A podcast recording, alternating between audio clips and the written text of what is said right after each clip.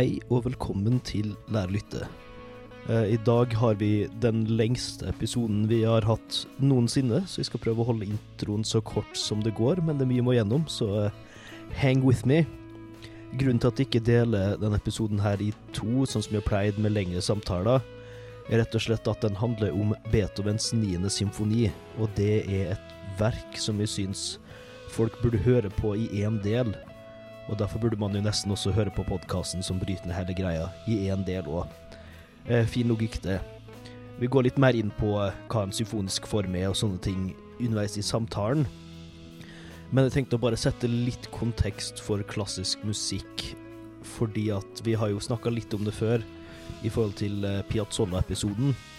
Men det er greit å kanskje bare virkelig prøve å oppsummere hva folk mener når de sier klassisk musikk, for det betyr veldig mye for forskjellige folk. Og eh, oversatt også så kan uttrykket ha litt forskjellige konnotasjoner, da. Men i veldig brei forstand så er klassisk musikk egentlig en tradisjon av kunstmusikk, eh, som vi liker å kalle det i Norge, em, som stammer fra Europa, da. Europeisk kunstmusikk. Eh, Starta mye i kirka, og seinere i kongelige hoff, og etter hvert blei det en etablert del av kulturen i Europa, da.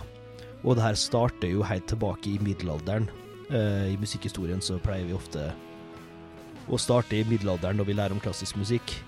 Men selve begrepet klassisk eh, musikk kommer jo fra klassisismen, som er jo der Beethoven faktisk hører til. Eh, og det er jo mye seinere, det er jo nærmere i opplysningstida, da. Men uansett, eh, klassisk, eh, klassisk musikk har blitt et begrep som blir en slags paraply, da, som rammer alt fra middelaldermusikk, både kirkelig og folkelig middelaldermusikk, renessansemusikk, barokkmusikk, det er jo der Bach for eksempel kommer inn. Og så har vi da klassisismen, som er jo der Beethoven på en måte har sitt utspring, som bringes videre inn i romantikken. Og så har vi da eh, alt som er seinere, eh, som er litt vanskelig å definere, siden det er mye nærmere oss i tid, så det er litt vanskelig å sette en enhetlig stil på ting, da. Så man har ofte begrepet samtidsmusikk, som er da musikk som er skrevet og framført av folk som lever i dag, da. Og så har du moderne musikk og tonalitetskrise og sånne ting. Det blir nok egne episoder etter hvert, da. Så begrepet klassisk musikk er ganske stort. I dag så snakker vi om Beethoven, så da er det jo snakk om, um, om wienerklassisismen, som er på en måte opphavet til igjen klassisk musikk, da. Og det er en skole av musikere eh, fra Wien, og hovedsakelig er der starta av Hayden, som vi forklarer litt i samtalen. Eh, Frans Josef Hayden, og han er fyren som på en måte oppfant eh, symfoniformen. Han var også læreren til Mozart og Beethoven, og dem tre er dem vi hovedsakelig i dag tenker på når vi tenker på klassisismen. Det fins jo andre komponister, men det er veldig få som spilles ofte, da. Men dem tre eh, spilles ganske ofte, da. Så kontekstmessig også, så er jo det her et Europa før ideen om en nasjonalstat virkelig tar hånd. Så det er derfor det er litt eh, kontroversielt, egentlig, som vi også nevner. Eh, måten Beethoven i eh, den niende symfonien da på en måte snakker om et stort brorskap av menneskeheten generelt, men eh, det ble ofte tatt eh, som en slags tysk folkelig ånd også. Så eh, det er en tid, ikke sant, den franske evolusjonen var jo stor. Eh, Napoleon var en helt for Beethoven helt til han krona seg sjøl, og da ble han jo veldig sur. Så mye som skjer her, det er et Europa der veldig mye er i endring. Og når det er snakk om klassisismen, så er jo Beethoven også den siste av de tre store. Og han er på mange måter fyren som da bringer den kunstformen her videre inn i sitt neste steg, som er da romantikken. Så han er en slags seinklassisist slash tidligromantiker. Ellers så er det jo kanskje gøy å nevne at uh, siden musikken her er så gammel, da, så er jo den ikke rettighetsbeskytta. Uh, noen av innspillingene er jo det, da, men jeg tror jeg har funnet en innspilling som i teorien de har lov til å spille på podkastplattformer uten å bli tatt av corporate-politiet. Vi får krysse fingrene. Så eh, om dere plutselig hører et par symfoniske smell, så er det rett og slett for at vi har lagt inn. Og det er en gammel innspilling. Ja, det er en innspilling fra 1958, fra Berliner Philharmoniker, eh, og da dirigert av Ferenc Friksai. Så den har jeg lasta ned, og den skal være rettighetsfri, i hvert fall i Europa. Eh, vi får se om eh, amerikanske myndigheter bryter ned døra mi i framtida. Men eh, nok om det. Vi har i hvert fall musikkeksempler. Nyt det mens dere kan. Og så i tillegg, når det kommer til klassisk musikk, så er det jo et helt eget språk og en haug med forvirrende, forvirrende termer. Som jeg tenkte vi kunne bare forklare litt før samtalen går inn.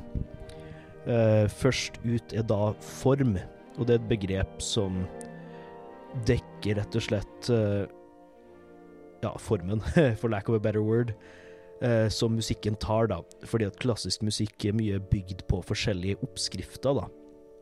Så gjerne har komponisten en eller annen melodi eller en idé, en musikalsk idé, og så vil de sette dem inn i en eller annen kontekst. Og i dag skal vi snakke om symfoniformen.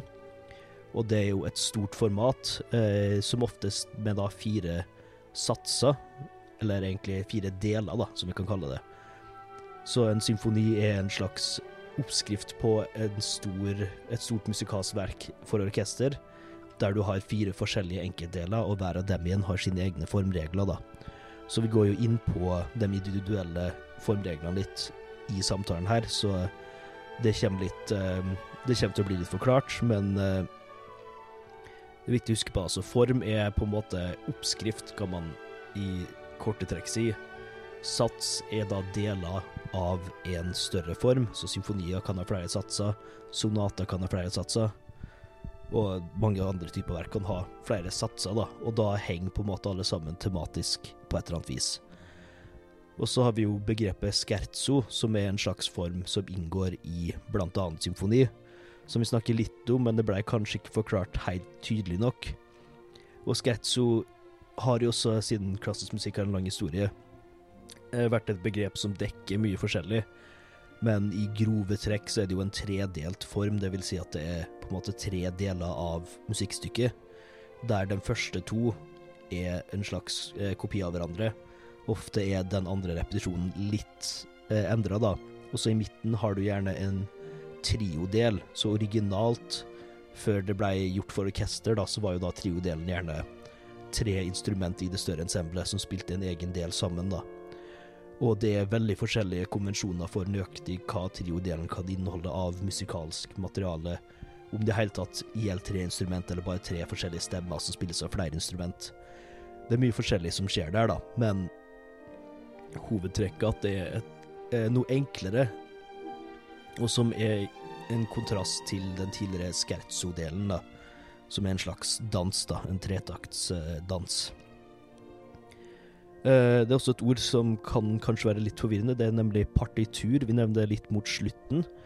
Og et partitur er rett og slett uh, et ark med noter, eller en bok gjerne nesten, da, med noter uh, for alle som spiller samtidig, da. Så for eksempel Hvis du ser et orkester, så spiller jo alle etter noter. Men den som spiller fiolin, de sitter ikke og ser på stemmene til alle andre i orkesteret, de ser kun på sin stemme, så de har bare en stemmenote. Mens dirigenten, som må ha oversikt over det alle spiller, de har da det vi kaller et partitur. Og det er rett og slett da alle stemmene som spilles på ett ark. Eh, for dere som synger i kor, så ser dere kanskje at dere har alle korstemmene samtidig. For i kor så synger også de individuelle musikerne etter partitur. Så det er bare en liten eh, ordforklaring. Så skal vi ha litt flere forklaringer, det blir ikke mange på det, men eh, da skal jeg også ha spilleksempel som vi bare rigger litt om. Men vi ses straks. Ja, hei igjen. Som sagt så nevnte jeg jo at det skulle være litt spillende eksempel. Eh, først ut er Først ut et eksempel fra når vi snakker om første sats i en symfonien her, der Stig kaster ut eh, ordet mediantforbindelse, som kan være litt forvirrende.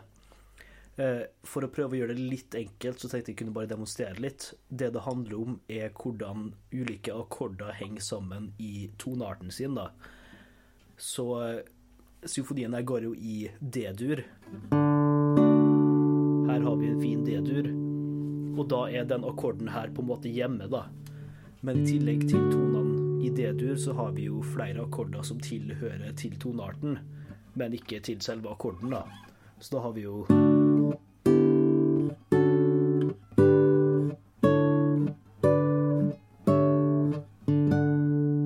Ikke sant? Syv forskjellige akkorder som alle er i D-dur, da. Den satsen her, er jo da at den starter i D-moll, som eh, blir jo I stedet for den akkorden her Den litt tristere varianten her, men det er fortsatt grunntonen, da. Så hele symfonien har på en måte et slags D-preg. Selv om det står symfoni D-dur, så er ikke det helt 100% sant. Ting går jo i litt forskjellige tonearter underveis. Men så da i relasjon til første satsen, som da starter i D-moll, så nevner Stig at neste tema er da i en slags medianforbindelse, og det går i B-dur. Og B-dur, det er den akkorden her. Og den hører på en måte til i D-moll-tonearten. Det er den sjette akkorden, da, eh, for den som lurer på det. Og så det han gjør, da, eh, altså det Beethoven gjør, er at han starter første sats med tema i d-moll, og så går han til en veldig beslekta toneart, nemlig B-dur, og lage et litt lysere tema som en kontrast, så har det lyse og mørke som eh, Stig snakka om, da. Og så, da siden B-dur hører til i d-moll, så har jo det en veldig sånn nær forbindelse, for de henger sammen, da.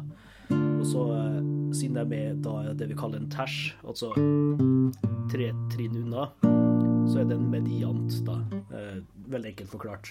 Eh, og i tillegg så kan man da bruke B-dur i D-dur for å få en litt mer kromatisk mediant, som vi kaller det. Så de henger jo også sammen, med litt fjernere. Så det er rett og slett om relasjonen til ulike akkorder, da. Så det er mediantforbindelser, veldig kort forklart. Du kan eventuelt google om du har lyst på mer info om det. Og så kommer vi da til spillende eksempel nummer to. Og det handler om variasjonsverk, da. Vi snakker litt om variasjonssats når vi snakker om tredjesatsen i symfonien. Og variasjonsverk, eh, veldig enkelt forklart, er rett og slett at komponisten kommer opp med en eller annen slags melodilinje, og så da tar den og har en rekke variasjoner, da. Beskrivende tittel. Og de variasjonene her kan gjøre forskjellige ting. De kan f.eks. spille mye raskere og spille flere noter rundt hovedmelodien. Den kan bytte en om til en molltoneart hvis den originalt går i en durtoneart. De kan endre taktarten og gjøre det fra f.eks. en marsj til en vals, eller litt sånne ting. Og siden jeg faktisk har spilt et Beethoven-variasjonsverk for mandolin, da, så tenkte jeg kunne bare spille et kjapt eksempel som kanskje kan gi det litt um, Ja, noe litt håndfast, da. Så det her er da uh, Andante con variasoni, eller uh, Andante og variasjoner, for uh, mandolin og piano. Jeg har ikke piano med meg, men hovedmelodien da, som Beethoven skal variere over, høres slik ut.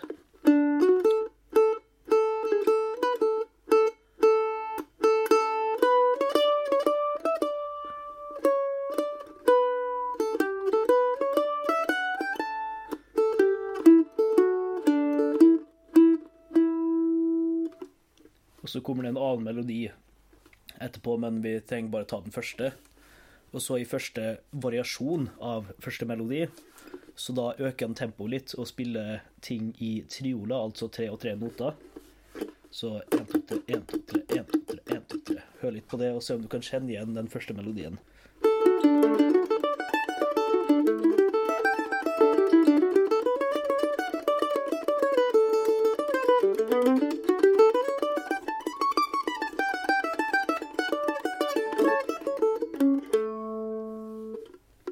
Fortsetter jo den også et godt stykke til. Det kan hende det kommer en fullstendig innspilling en annen gang.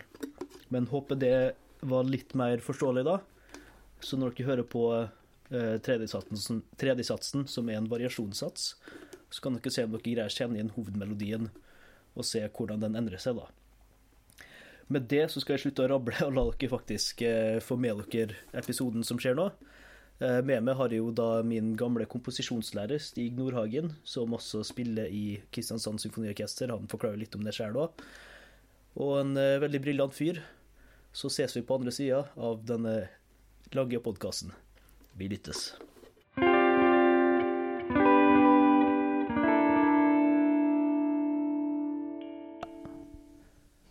Sånn. Da er du klar? Ja. Ja. Så hei og velkommen til Lær å lytte. Med meg i dag har jeg herr Stig Nordhagen. Eh, vil du kanskje si litt om hvem du er? Ja, hei for takk for at jeg fikk komme. Ja, Stig Nordhagen heter jeg, og jeg er eh, ja, jeg er potet. Jeg gjør jo det meste. Eh, sånn I utgangspunktet så er jeg musiker. Jeg er soloklantist i Kristiansand Symfoniorkester. Jeg er komponist og arrangør og lærer på UiA i arrangering og komponering og klarinett og det meste som har med musikk å gjøre. Det synes Ja. jeg liksom er Det er det jeg liker best. Gjøre alt. Ja, ikke sant? Bare litt sånn generell musikk. Menneske. Ja. jeg synes at det er ja, Man må ha litt, eh, litt bredt nedslagsfelt, tenker jeg, bare Ja. for å være, Godt, være musiker. eh, godt oppsummert av ordet musiker, Ja. eller noe sånt. Og du har jo hatt med i uh, musikkteori og arrangering, komponering, eller Det stemmer, ja. ja. Arkomp på Arkomp, ja. ja da. Arkomp. Vi skal ikke ta MUK-kodene, kanskje, men Arkomp, ja. Ja, ja Mykkoden er jo eh, ikke så nødvendig. og eh, derfor tenkte jeg, siden du både komponerer musikk og analyserer musikk, og ikke minst spiller orkestermusikk, ja. at du er en fin person å snakke om eh, symfonier med, da. Ja. Og mer spesifikt Beethovens 9., mest pga. at de skal jo høre den og skrive omtale om en, eh, om en to uker, da. Og Ja. da skal jo du også spille. Da skal jeg også spille, ja. ja så da er det greit å bare liksom feste litt uh, alt sammen i en smekk, da. Ja. Men hvis vi starter med symfoni, da. For det er jo et begrep som hvis Ja. man ikke er interessert i klassisk, kanskje ikke helt skjønner hva er, da. Nei, Hva det, er en symfoni? det er vel et sånn det er et flersatsig verk. Da. Det er gjerne fire satser i en symfoni. Som det som kalles da i gåsehud en klassisk symfoni. Det er en første sats som er ganske sånn eh, Som er liksom hovedsaken i symfonien. Som gjerne er i noe som heter sonatesatsform. Det kan vi jo gå gjennom Det kan vi gå gjennom kommer og til se. første Og så er den, den andre satsen er gjerne en rolig sats. Fin melodi og litt enklere. Den tredje satsen er gjerne en sånn skerzo, eller litt sånn livlig sats i tre, tretaktsgreie. Med litt, kanskje litt triord og sånne ting. Altså litt mer sånn eh, Litt lettere på foten. Og så er det en fjerde sats som er gjerne litt rask og litt sånn eh, spenstig, og en sånn svung avslutning på det. Så det er liksom en helt sånn klassisk, typisk sånn oppbygging. Så fire, fire satser og litt forskjellig slags temper i alle satsene. Og for orkester, gjerne. For orkester, gjerne. Ja, Som senere har blitt kalt symfoniorkester. ja, ofte, ja. det er derfor det heter De spiller symfonier. Ja, ikke sant? Når de spiller symfonier. Så det er jo litt interessant da med Beethoven òg, fordi at han kommer jo på en måte i tiden der orkesteret begynner å ligne på det et orkester er i dag. Absolutt. Sånn hvis du tar musikk fra tidligere, altså fra liksom Bach-æraen og sånne ting, da, så Bach skrev jo ikke symfonier. Nei. Um, og det, det er kanskje ikke alle som vet. Folk forstår kanskje ikke at å ja, men Bach var jo 200 år før der, Ja, liksom. Ja. Uh, men på den tida, da, i Wien mest, da, eh, for det var jo der Altså i wienerklassisismen, som Stemmer. vi kan ja. utdype, da. Men der oppstår jo symfoniformen, da, med Hayden. Hayden, pappa Hayden, som han kalles. Han er Ja. liksom alle, alle, alle komponisters far. Ja. Ja. Og Beethoven var vel også elev av Hayden, så vidt jeg husker. Og Mozart, som også skrev Mm. symfonier. Men de var kanskje mer sånn i den wienerklassiske, og de var ikke så eh, så utfordra ikke sjangeren så mye. Da. De var mer sånn at de Mm. stereotype og gjorde det i en, en sånn spesiell måte å lage symfonien på. Og Hayden skrev vel 104 symfonier, så, og Mozart skrev vel 41, så de hadde jo ganske stor produksjon, da. ja. Så det var kanskje ikke så lett å, å lage så store, store nye verk. Nei, den var jo litt kortere. Ja, Eh, absolutt. og så kommer Beethoven, som på en måte ser Ok, nå har jo læreren min og hans protesjé på en måte Mhm. gjort det her litt til grensen av det reglene sier det skal være. Så eh, da begynner jo han å tenke litt Skal vi kanskje teste grensene litt, da? Ja. Og da er jo den niende hans siste, Absolutt. som er kanskje der han på en måte sprenger ting mest, da. Ja, altså han har jo noen sånn f.eks. Uh, tredje symfonien, da. Ja. Som er sånn der til som Eroica, som, er- som er til Napoleon, ikke sant. Og det er sånn heltedyrkelse. Og det er egentlig litt viktig i niende symfonien også, den der heltedyrkelsen. Og så er det den her også som i femte symfonien, som, er i, som begynner i C-moll og går over til C-dur. At det er en sånn der gjennom kamp til seier, eller fra det mørke til det lyse. Og det ser vi kanskje også mest i niende også, en sånn eh, Ja. både helten og fra det mørke til det lyse. Den episke kvaliteten, da, på et vis. Absolutt. Og for uh, dem uinnvidde så er den femte den som går tan, tan, tan, ta, Stemmer, stemmer. Som man alle kjenner, da. Ja. Og for så vidt det som er fint, er jo eh, denne episoden her, siden det er klassisk musikk, så er det jo public domain. Ja, Så jeg kan faktisk finne en innspilling som er lovlig å bruke. da ja, ja. ja, Så nå kan jeg spille av eksempel. Så det, Ikke bare synge. det så, ja, for det har vært veldig mye, mye av det. Så nå kan jo folk oppleve Ja, ja, ja. ja. eh, noe annet enn stemmen min som eh, slakter store orkesterverk. da ja, ja. Så når vi kommer til den niende, da, vi kan jo kanskje snakke litt om det konseptuelle utgangspunktet til den før vi går inn på detaljene. da Når Ja. du liksom nevner det episke og alt det der. Og det den kanskje er mest kjent for, er jo det at det er den første symfonien med menneskestemmer, altså med kor Ja. og solister.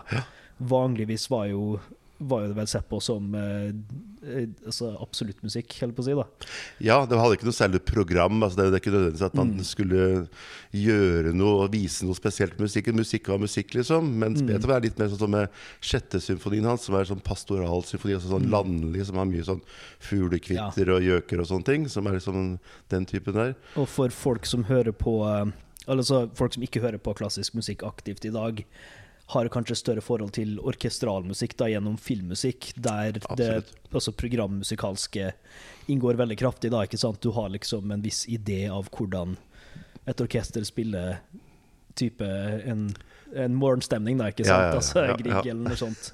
Ja. Mens eh, så man kanskje ikke nødvendigvis tenker over at før det så var jo musikk bare musikk. Ja. Eller det ble sett på som det. Det ble sett på som det var kanskje- ja. litt.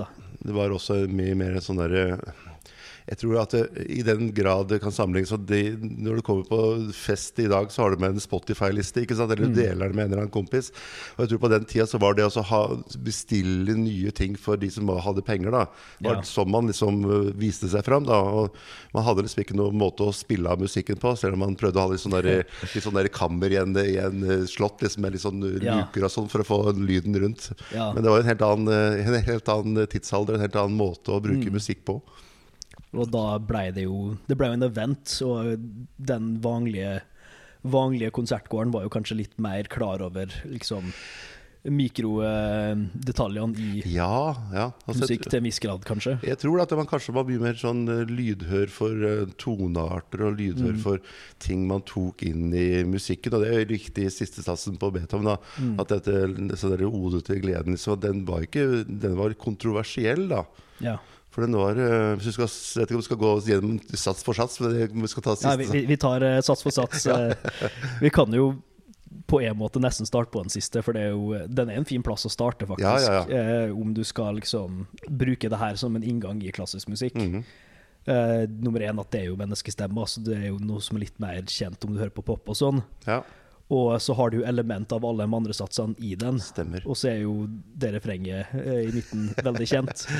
Men så er det jo eh, 20 minutter med andre ting Ja, ja, ja. ja. som er interessant eh, utenom, da. Ja, jeg syns også det er litt interessant akkurat det her med, med sistesatsen. Jeg, vil ikke tro kanskje at en komponist ville latt liksom, solister og kor sitte liksom i 50 minutter og bare vente. Og man har liksom, liksom tør å gjøre det i dag, liksom. Og bare Ja. komme inn i siste satsen, liksom. Om det var liksom ja, eh, Det Ja. er litt sånn som Maler, altså en annen komponist, som bruker liksom de her kjempesvære symfoniene liksom helt ned til sånn harmonium 1 som sitter og spiller, og så sitter det 110 stykker og ser på. ikke sant? Ja. At, man- at man tør å gjøre sånne ting når man har så store eh, altså, redskap å bruke. Da, at man kan liksom Ja. ta det helt ned. Så Beethoven var jo en ambisiøs type, men han hadde nok ikke kommet på den ideen eh, på første symfonien. Nei, nei, Det nei. var liksom, det kom jo til et punkt der Ja, men han er jo det største geniet, så vi gjør det han sier. Ja, ja, ja. Sikkert litt det. Ja. Det så, den, eh, den siste satsen da, den begynner jo med sånn der som alle tror at man, at man spiller feil. da for at, eh, for at eh, Hvis Ja. du drar bare en sånn kjapt til førsteklassen, som går i D-moll, som er en toneart som er litt sånn mørk, og så har den et sånn sidetempo som går i B-dur, som er liksom sånn mediantforbindelse, for det er en sånn tersforbindelse. Og den siste satsen den begynner jo liksom med både det mørke og det lyse. da Den har liksom en D-moll-akkord, og så ligger det en B på toppen, hvis, for de som vet det. Så den har både D-moll og B-dur i seg. Ja. Så den begynner liksom litt sånn der eh, tvetydig. At den er både lys og mørk. Den er ikke sånn som Mm. kanskje en sånn uh, Tsjajkovskij-symfoni som begynner liksom her har vi sitt, liksom, Nå har vi funnet lyset. Den er inne på søkeren. Mm. Og det er kanskje det som gjør at uh, alle de andre satsene kommer inn Det kommer inn en cello, strykeinstrument og bass som kommer inn og, og kommer med en slags sånn deklamatorisk sak. Ja. Og så kommer orkesteret inn og prøver seg med alle de andre satsene. liksom Og ser, Er dette noe liksom du kunne tenke deg å spille videre på? Nei, nei, nei, ikke det. Og så kommer det som den rolig Det kommer Skeidson, ikke sant? Og så kommer den rolige satsen til slutt. Den, den, den som kommer før siste satsen. da Ja. og da begynner han liksom Ja, ja, her er det noe liksom Det er liksom det, kanskje det sånn melankolske jeg er ute etter. Og, og da begynner liksom den derre Da kommer Oden til glede? Ja, helt, helt det stille, Ja. liksom. Det er ikke noe sånn at han skriker ut av byen, men det begynner sånn helt sånn stille og forsiktig. Det er det jeg digger med, med så, hele den siste satsen, egentlig, er at han teaser jo det der hovedtemaet gjennom hele greia. da Ja. Og eh, Det er jo et tema som er veldig kjent. Vi kan jo spille av et eksempel Ja, ja, her.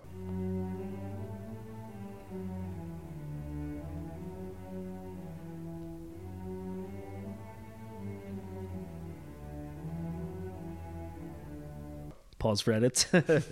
uh, og ikke sant, det høydepunktet i symfonien det kommer jo mye seinere, men Mm. det starter, hele den satsen starter som en dialog, nesten, da, med liksom OK, vi har hørt litt av første Ja, satsen, og så Nei, det var ikke helt riktig, sier bassen, Nei, på en måte. ja, ja. Og så kommer neste, og så neste, og så begynner man å hinte brudd av det, og så til slutt så kommer temaet, men ikke som en sånn stor greie, Nei. bare med, bare med bassen som spiller melodien Ja, alene. Absolutt, ja. Og er så det. bygger han jo det videre, da. Mm, absolutt. Så det er en sånn derre um, Hvor det var Beethoven tenkte, det er umulig å si. Men det var liksom man prøver liksom å si Ta alle satsene hver for seg og se om dette er liksom godt nok til å matche det jeg har tenkt å gjøre nå videre. Så, det er, og så går han gjennom en uh, igjen sånn der, hvor han tar masse forskjellig sånn janitsjar-musikk og masse forskjellige ting og legger inn i, inn i hele miksen. Så det er ganske morsomt. Det er liksom alt, alt han kunne finne på. Ja, det er akkurat det, den der eh, delen eh, som høres litt sånn Janitsjar eller litt sånn vi jeg tenker. Den er veldig gøy. Den minner meg litt om eh, Tre nøtter til Askepott, nesten. Ja, ja, ja. Det, med slagverket der, så får du litt sånn eh, den følelsen, Og da. da, da kommer det også en sånn, eh, som er sånn kjenning til, til Beethoven. Kontrafagotten og pikkolofløyta. De er liksom eh, viktige der. Det kommer det sånn der, ja, Ja. i kontrafagotten.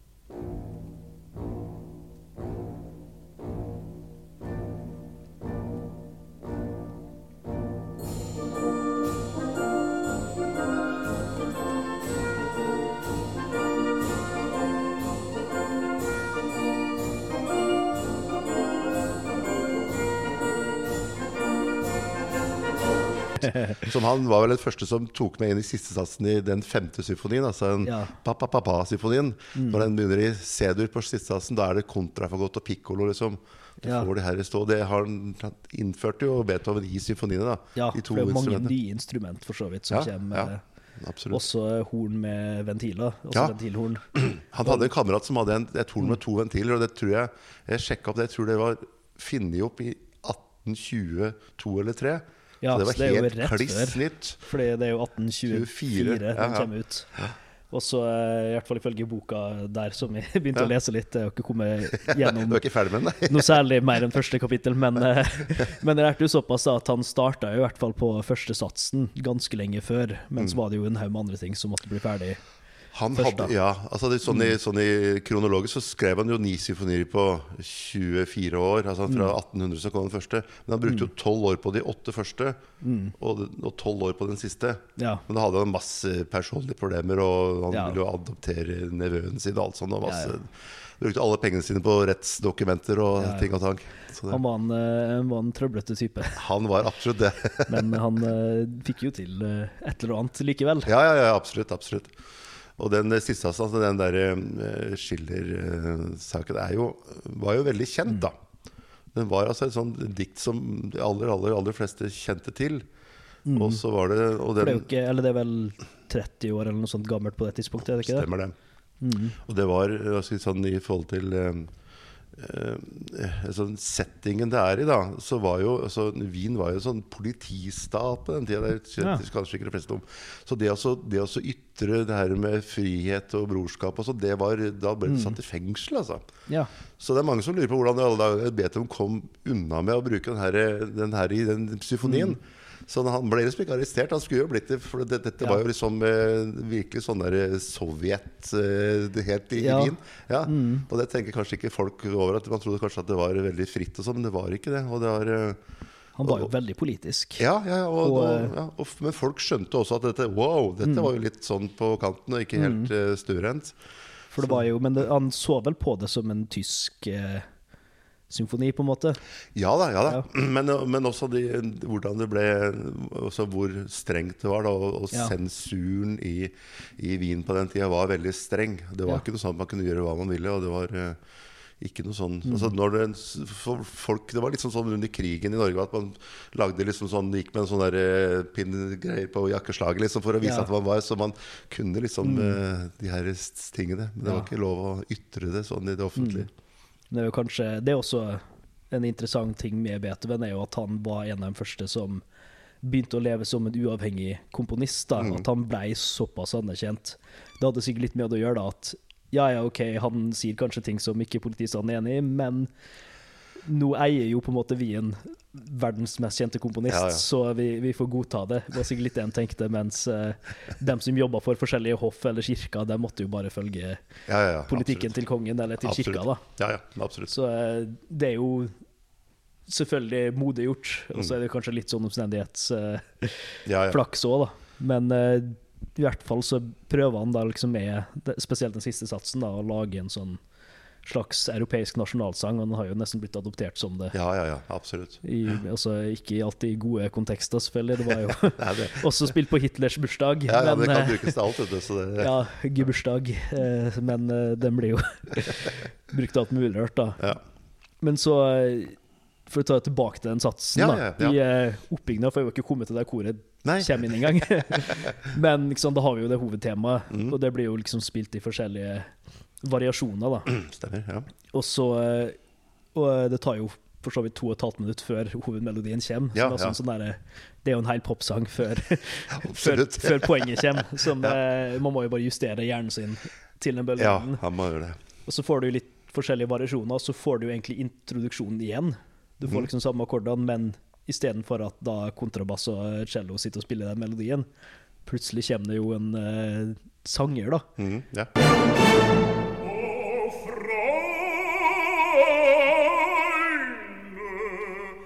og det er jo der bruddet på en måte skjer, da. Mm. Og så begynner jo ting å bygge seg opp i enda større skala, for nå har du jo ikke bare en solist, men du har fire solister og et helt kor. ja. Så plutselig begynner koret å svare litt og sånn, og Mm. slenger seg med. Nei, så jeg tror at det, det har jo vært et sjokk, da. Altså plutselig Mm. at det kommer en sanger liksom inn i Ja. hele greia. Det jo kan liksom ikke, man kan jo ikke forestille seg hvordan det bruddet måtte ha føltes da, da for de som hadde Ja. gått på konsert før. For oss er det jo helt naturlig. Det skal jo være sånn. Ja, Men, eh, det er har jo sånn- hørt det. Første gang det skjedde, ja, det, det er sant. Så det, det er en helt ja, Ja. Veit du om eh, solistene og koret satt på scenen under første konserten, eller tror du de kom inn? Du, det vet jeg ikke, det har jeg ikke Ja. sjekket, Det kan hende at de, Ja. de, satt, de satt på scenen. For eh, det som var med, med symfoniorkesterkonserter Mm. helt fram til slutten av 1800-tallet, at, de- at de spiltes gjerne ikke i noen konsertsaler sånn som vi har nå. Det var opera som var greia, ikke sant? Ja. Det var det som var det viktigste, det Mm. folk gikk og hørte på. Så de spilte gjerne i mer sånne der, litt sånn store haller og sånne ting. Som er, så hvis du ser på alle opera, eller konserthus som er bygd, så er de bygd liksom fra midten av 1800-tallet. Da begynte det liksom å bli mer Ja. stuerent med symfoniorkester, sånn som spilte satt Ja. på scenen. Fordi symfoni begynte å bli litt gammeldags eh, på tidspunktet med den niende, egentlig. Ja, også at men også at det var, det var altså Hvis du var dirigent, så var du Mm. operadirigent. da Ja. Så det var opera som var liksom det viktigste som, var, Mm. som foregikk. Sånn at man spilte noen symfonier liksom på sidelinja. Og jeg tror også at det var jo nok en god del eh, folk som ikke var så veldig flinke til å spille eller synge. Ja. Eh, Når det, jeg, jeg, jeg, jeg, tror ikke at, jeg tror ikke det var noe sånn veldig pent, den første framføringa. Nei, eh, det var ifølge en eh, boka så var det jo en del amatørmusikere. For Ja. at de hadde jo ikke Altså, de hadde jo et orkester, men hang hos Beethoven eh, grensesprengende som han var, krevde jo litt mer enn Ja, ja. en standard besetning, så de måtte jo ha en haug med amatørmusikere i Wien. Og så er det jo eh, litt sånn disk omdiskutert da, i omtalene, da, fordi noen omtaler er jo veldig slaktende, mens andre er veldig eh, sånn eh, store, da. ja. Fordi jeg tror det var igjen, litt politikk i det, at folk ville liksom eh, ha ideen om at ja, men nå har Beethoven skrevet liksom slutten, på en måte, på den epoken wienerklassisismen, mens folk som Wagner og sånn tenkte jo heller motsatt. Nå har han drept symfonien, det her er starten på noe nytt. Ja da, så det, men den var jo også at sant, han var døv, så det, historien sier at han måtte snus liksom mot publikum da han var ferdig. Der, for han hørte ikke og Det var jo masse, masse jubel og sånn, men om det var jubel fordi at han var Beethoven, eller om det var fordi at det var veldig vellykka framføring, det er vel vanskelig å si. Ja. Ja. Det er litt sånn Justin Bieber fikk vel applaus når han sørte vann på scenen og gikk. Han, han, Fordi han var. Justin Bieber, mer enn at han sang bra. Absolutt. Ja, så spørs, det- Han har, jo øra, da, i hvert fall, i motsetning til Beethoven på det tidspunktet. Ja. Og så var det det at han, sa- sant, han unnskyld, han er jo døv, ikke sant? så han Ja. visste ikke bedre, han skjønte ikke hva han gjorde. Og alle sånne ting som ble unnskyldt. Men han, var jo, han skrev jo altså, ufattelig Ja. mye musikk da han ikke hørte noe. Men Den har jo vart lenge eh, har vært lenge. Ja, ja. Så han, han klarte jo et eller annet, da. Og så Mm, får ja. du jo igjen i Tilbake til satsen igjen, Ja, ja, selvfølgelig, Med, med koret og sånn. Altså, den er veldig enkel å høre på og forstå, på en måte, i den forstand fra der koret kommer inn. da Mm, At ja. Du hører jo bare det temaet repetert en del ganger. Absolutt. Eh, og så liksom først med solister, og så med en annen solist, og så med koret, og så videre. Men så blir det jo litt vanskelig etter hvert da, når de begynner å synge forskjellig tekst samtidig. Ja, ja. Og sånn i eh, såkalt fugeform, da. Ja. Eller ja, ikke streng fuge der, kanskje, men, eh, Nei, jeg tror ikke den er så streng, men det, han har jo en del ja, noen fuger i andre sats Da. mm, Men det, fu- fuge er jo sånn, en sang som kalles, som kalles en flukt. Da. Det er jo en, en litt sånn avansert kanon. Liksom Mm. At man begynner på litt på forskjellige steder etter hverandre. Så. Mm. Og da blir det ofte vanskelig med tekst, da, for da blir det ofte mye tekst oppå hverandre. Og når det er så forskjellig tekst, så det blir jo eh, Mm. eh, Jeg tror kanskje at det, er liksom litt sånn at det, er lagd for at det skal virke kaotisk, da. Ja. Så da kommer det noen og sier liksom øh, Liksom og tar over, tar over liksom, og så sier det ikke 'hør her'. Mm. Det er litt sånn mer enn et sanse Det er litt sånn stimuli Ja. i Det stimulerer istedenfor å kommunisere, Ja, ja, i tilfellet der, da. kanskje- Men det er jo tekst vi har hørt før, Ja. eh, så det blir jo sabla på et vis. da Ok, nå har vi hørt teksten i flere varianter, nå kan vi Hvordan høres det hvis vi bare slenger det oppå hverandre? Ja, ja, ja. Ikke bare, bare slengt oppå hverandre, selvfølgelig. Han har jo vært litt mer systematisk enn som så. Og eh, det er jo for så vidt litt gøy òg, når du hører på den delen av satsen, at eh, du kan liksom Ok, nå skal jeg prøve å velge én stemme, og du hører jo veldig tydelig når én stemme kommer inn. Mm, Så det er litt vanskelig å følge den av og til gjennom hele greia. ja. Og det er jo spennende å bare liksom la det vaske litt over det også. Jeg tror kanskje det at man, hvis man skal høre på sånn type klassisk musikk, at man ikke trenger å være Mm. så veldig eh, kunnskapsrik eller vite hva man skal høre etter. Mm. Man lar seg fascinere av det som skjer. da Ja. Og det er litt sånn med, med menneskelig stemme at det er veldig homogene. da At det er veldig like i klangen, så det er vanskelig å skille de forskjellige stemmene Mm. Ja. fra hverandre. Det er jo et punkt der eh, Det er jo mot slutten, eh, der det starter jo med bassen. De har en sånn melodi som går oppover, Mm, mm. og så treffer tenoren da samme, samme tone og går går som- oppover ja. fra der, og så Ja. bygger hele koret opp fra liksom tonen forrige, Ja. forrige stemme tok, da, og eh, bass og tenor og alt der er jo stemmegruppa Mm. ut ifra hvor lyst eller mørkt du kan synge, da, eh, for de uinnvidde. Men så det gjør det at eh, et kor med mannlige og kvinnelige sangere er delt inn i fire grupper, og så er det vanskelig å høre når den ene slutter og den andre starter. Mm.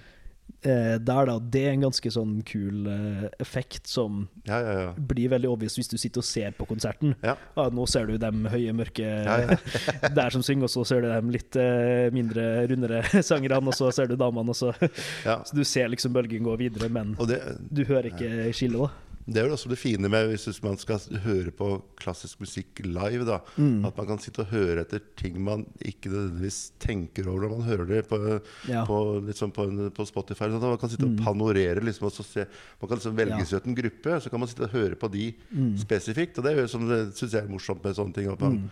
Når det er store orkestre, man ser liksom på på strykerne, eller man kan Mm. se på blåserne, eller se hvor lang tid det tar før de slagbackerne spiller. Liksom. Det tar jo Ja, alltid ja. enda lengre tid enn ja. sangerne kommer.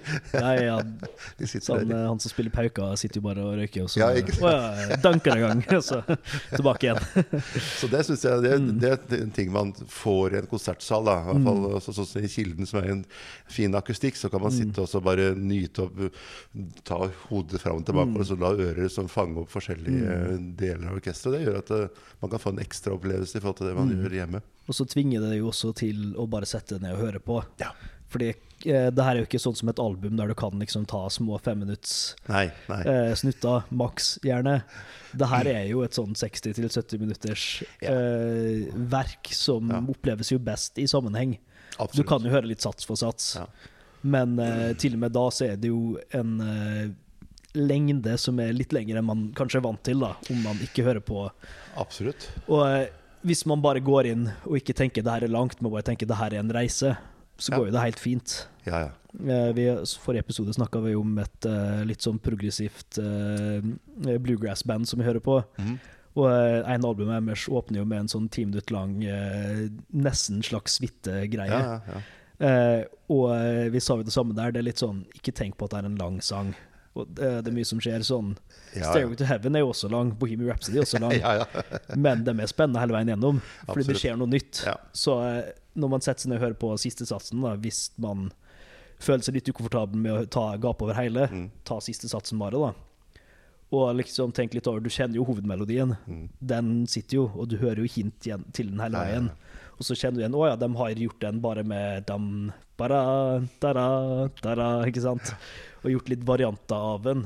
Ja. Og tenk liksom OK, nå hører vi den melodien. Hva er det som skjer i motstemmen, da? Ja, er ja, det et svar der. Mm. Og bruk liksom øret til å høre på litt flere detaljer enn liksom kun stemmen som leder an, da. Absolutt. For det, det er så mye mer som skjer, og det er jo der klassisk musikk er gøy. Det er en sånn dybdelytting. ja. Så du må bare sette deg ned og gjøre deg klar for reisa, da. Mm. Og så er det mye med, med den type klassisk musikken at det skjer mye mer i, i mellomregisteret. Altså det er midt, midt på piano, hvis du har piano hjemme. Ja. Altså mellom, så, sånn i, I popmusikk og rockmusikk så er det mye, mye høyt og lavt, og så er det ikke så mye som skjer i midten. Mens i orkesteret så er det mye som skjer i, i midten, som gjør at du får en, en s- litt varmere lyd enn du gjerne får på en sånn type rockeband som kanskje har en annen De skal projisere lyden på en annen måte, men det er med en helt annen lydkonsept. da Ja, det er jo en helt annen måte å lytte på. Og mye av den musikken, også spesielt i dag, da med elektronisk musikk og sånn, er jo lagd for å høres gjennom Altså en en eh, telefonhøyttaler eller gjennom Ja, ja, ja. øre, ørepropper eller noe sånt. da Mens det her er jo musikk som er designa for å bære i et, Ja. et stort rom. på en måte Det er, det er derfor du må ha 40 strykere. Ja, ja, ja. Ikke sant? Og eh, mange, mange som spiller sammen, da. Og det er vanskelig å koordinere. Og alt det der virker jo inn på samspillet og hvordan musikken formes og alt det der, da. Absolutt. Og så er det også litt med sant, type hvordan man synger også. da Mange syns det er hysterisk morsomt med operasanger. Og det kan jeg godt skjønne også. Mm. Det det. Hva at de liksom Ja. De vrenger sjela og sånn. Men hvis du hadde hatt en, en popsanger stående på scenen, så hadde du ikke hørt, du hadde ikke hørt noen ting. Nei, nei. Så de har liksom den med skolering er jo å stå på en scene og så det skal bæres ut til Mm. Ja, ja. bakerste rad. Og derfor har du en helt annen måte å synge på. Ikke sant? Sånn at det, det Og det hører du fint med innsatsen her og i forhold til dynamikken da, mellom solistene og koret. Mm. At uh, sånn helt i starten så er det jo bassen som synger, og så svarer plutselig bassa til koret. Ja. Og eh, de synger jo ikke på helt samme vis, fordi at de skal jo ha en sånn klang som er samla. ja.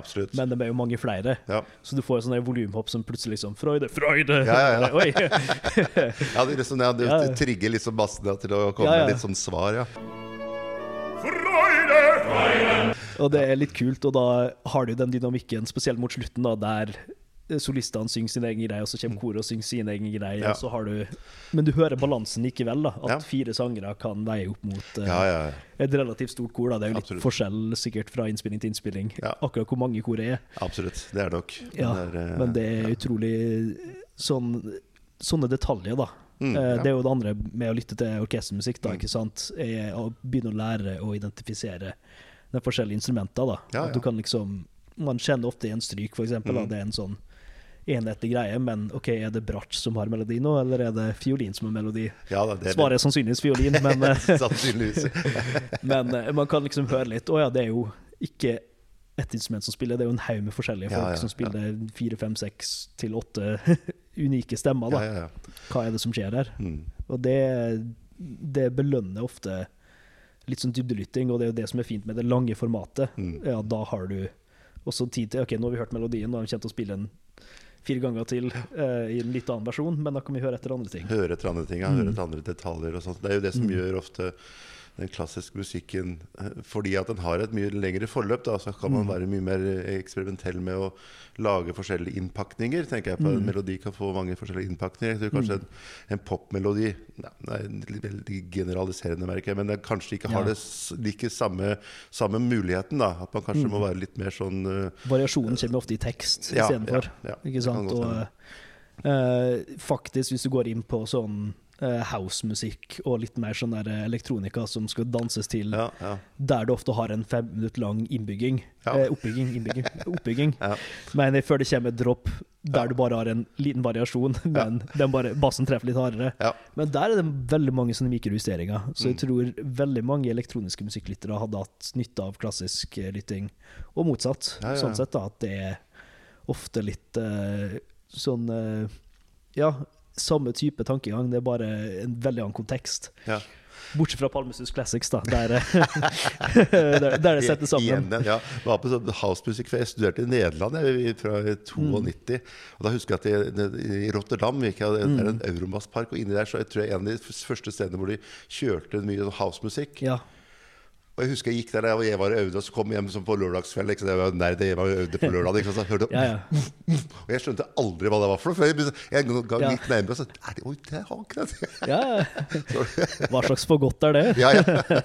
Så det var sånn der, eh, Det var virkelig sånn eh, øyeåpner. Så jeg tenkte at jøss, ja, ja. Ja, ja. Så det, og selvfølgelig, man har jo gjerne sine estetiske tilbøyeligheter. Da. Ja, ja, altså, noen er jo tiltrukket av en akustisk setting, andre av en eh, øredøvende sub. Men, ja.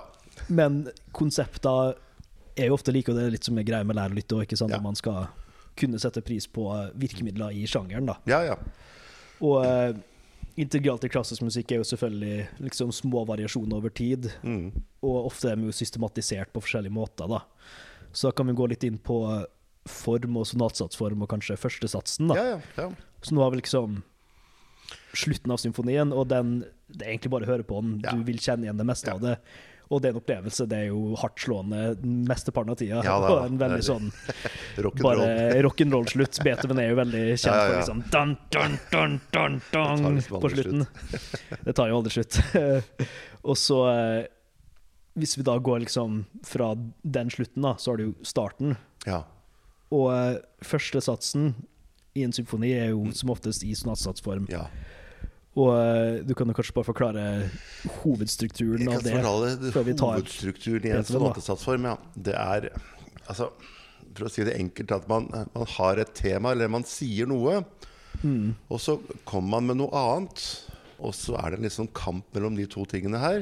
Mm. Og så er det en, eh, som skjer, og så er det en, et resultat til slutt som er en sånn en, kombinasjon av disse to tingene. Mm. Og det er som i en, en aller enkleste formen. Det gjør at sonatesatsformen som fenomen da, den er veldig slitesterk. Den brukes jo selv i dag.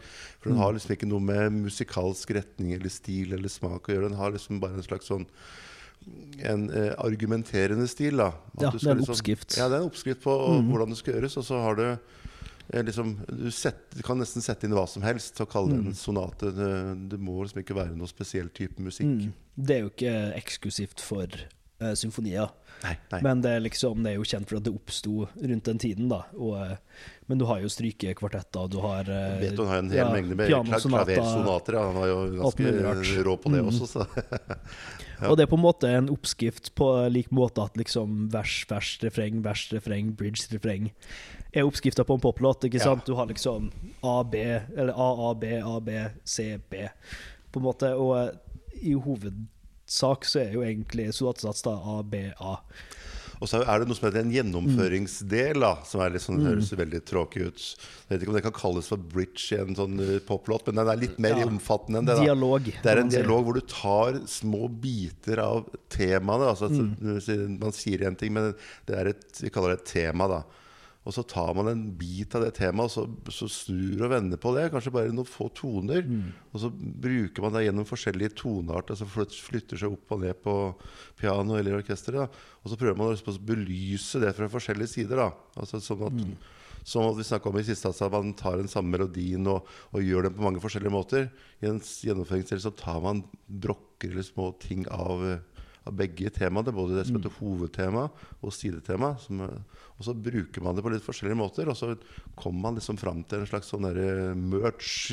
At Ja. de kommer sammen. De som en eller annen slags høyere enhet da skal være. Ja, det er jo litt sånn uh, tese, antitese, syntese. Ja, ja. Om man skal gå altfor dypt inn i det filosofiske på det, som jeg ikke har lest meg opp på, så jeg kan ikke si noe veldig smart om det unntatt det. Men det er jo det, da. Du har et tema som er en, en kort melodi, for Ja. å liksom forenkle det veldig. Og så har du en annen en som ofte er en slags avart, men kontrasterer. Det kontrasterer ja. Det har gjerne med, med toneart å gjøre, også sånn helt Ja. klassisk. da At man har liksom en, noe som kommer på tonika-feltet, og så har man en sidetema som kommer på dominantfeltet. Altså det liksom Mm. At man skal trekke det dominant eh, sidetemaet ned til Ja. tonika. Da. De Det er liksom, jo to, to akkorder som er på en Ja. måte veldig knytta til hverandre. Absolutt. De blir jo dratt mot hverandre, da. Så eh, det som ofte skjer da i slutten, er jo at sidetemaet som er i dominanten, da blir jo dratt til tonika. det er litt sånn ja, yin-yang, kanskje. Den ser Ja. at det er to ting, og så plutselig blir det en sirkel av det. Liksom, at det Mm. liksom blir, en, blir en enhet. da De henger litt sammen, da. Ja. Og uh, det som er litt gøy med første satsen, er at den starter ikke med en gang med temaet. På en måte, du bare har et sånn teppe Ja. av eh, A og E, det vel, tror jeg. Eller altså noen toner, Det ligger en, en D med sånn der, en, ja, Ja. A, og, A og D. Det ligger sånn Det Ja. kalles en musikalsk urtåke. Det ligger en sånn der, en sånn slør. Det kommer liksom ut av en sånn derre Ja. et eller annet som Et sånn uh, tabula rasa. Ja, det kommer ut av noen Ja. Liksom, så kommer liksom det tema hoppende. Det høres nesten ut som man stemmer, Ja, ja. stemmer orkesteret som et orgel eller noe sånt. Okay, Ja. Har alle samme tone Ja. Hengende sammen, og så bare hører liksom biri, Ja. diru, didu. Og så bare plutselig kommer de akkordene der. Ut, ok, okay ja, nå, vi er i gang, Ja, ja. nå er vi nå Ja. Jeg visste nesten ikke at det starta, men du får det her første temaet i fleisen. Etter å ha liksom blitt satt til ro i landskapet, da. Ja, ja. Og da kommer jo det ganske Voldsomt fram. Det holder bare en stund. Ja. Det skal ikke legges under en stol. At den, Mm. Han er ikke sånn, som, det er ikke antydningens kunst. Det er det her skal det hamres inn. Nei, det skal hamres inn. Og eh, det er også det det er veldig belærende musikk, da. At du liksom du får servert tema. Ja, Det er ganske tydelig. Ok, her er det. Ja. Og så blir det gjentatt, liksom, bare for å være sikker.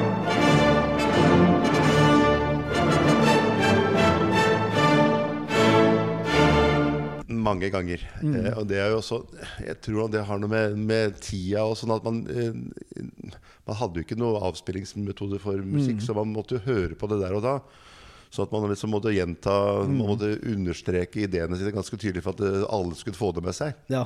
Så jeg tror at det, det var Ja. det som er kanskje forskjellen fra i dag, da. ja.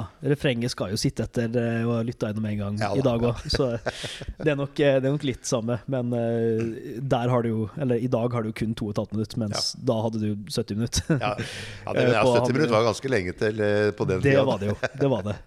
Eh, Men symfoniet etter det var jo alle sammen så lange, nesten.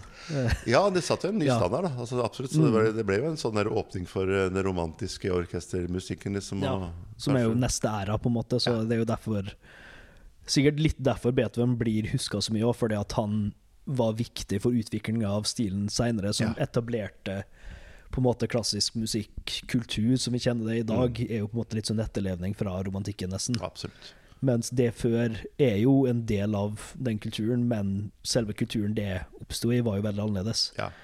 Og eh, når du da får eh, liksom den her autoritære, nesten, første satsen ja. Man kan nesten se på det litt sånn, da, Ja. bare sånn i følelsen, da. Mm. Eh, så har det også veldig mange kontraster da, med liksom det sterke og det svake. Ja. Man har ofte liksom bam, bam, badam. Ja, ja. Veldig sånn dialog. Absolutt. Så Greie, det, da. det er liksom Man får veldig inntrykk av det i et, sånn, å høre på et orkester. Da, at man, De store dynamiske utsvingene, liksom. Mm. Ja. Som man kanskje ikke får hjemme på hodetelefonene på i den like stor Nei, grad. alt litt mer komprimert Ja, ja. eh, i populærmusikk, da, som Ja. gjør det veldig vanskelig å høre på musikken her på et høyttalersystem, eller spesielt på en biltur når det er mye bakgrunnsstøy, for da hører du ikke det svake, så du må skru opp veldig mye. Det det Og så spesielt når du er på beta, så kommer jo poff, å ja, nå er vi der, så må du skru ned igjen. Så eh, det er jo et annet lyttetips. da, liksom Sett deg gjerne i et stille rom, eller noe sånt, og eh, kanskje med hodetelefoner, eller i hvert fall For den, den er jo lagd for konsertsal. liksom. Den, er lagd, den er ikke lagd for å høres på noe annet enn eh, enn med dine egne ører. Så konserten i Kilden er jo kanskje utsolgt, men om du får mulighet til å høre Beethovens 9., så Ja, ja, dra gjerne på konsert. Det, Absolutt. det setter litt i lyttemodus òg, for at nå sitter du der. Du skal ikke ut, liksom, så du, Nei, nei, du kan, du kan like godt eh, høre på det så musikerne sitter og spiller, da. Og ikke, ikke ta opp mobiltelefonen, for vi ser det veldig godt. Det, det gjør man. Vi sitter jo som anmelder og noterer, vel å merke, da, men eh, Ja. Burde kanskje finne en bok. Nei, altså, vi, så, nei, og så, så kommer den her som vi snakka om, mm. Mhm. så det- altså den B-dur, som er en sånn lys variant av eh, d-moll, for å si det på en enkel måte.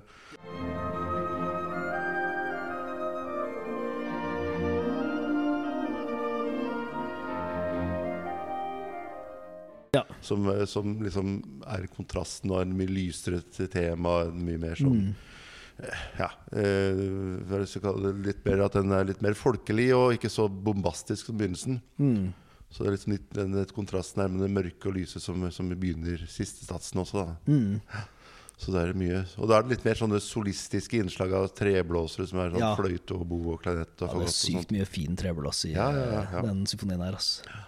Så det er, eh, Mm. så da er det liksom eh, Går den liksom gjennom i alle, alle grupper og sånne ting, Mm. og mye, mye, mye treblås, faktisk. Så det er Ja. morsomt å spille det. Det blir gøy for din del. Ja, ja, ja. Eh, og uh, det bare går litt sånn i variasjoner og i dialog, og så har du jo gjennomføring der Ja.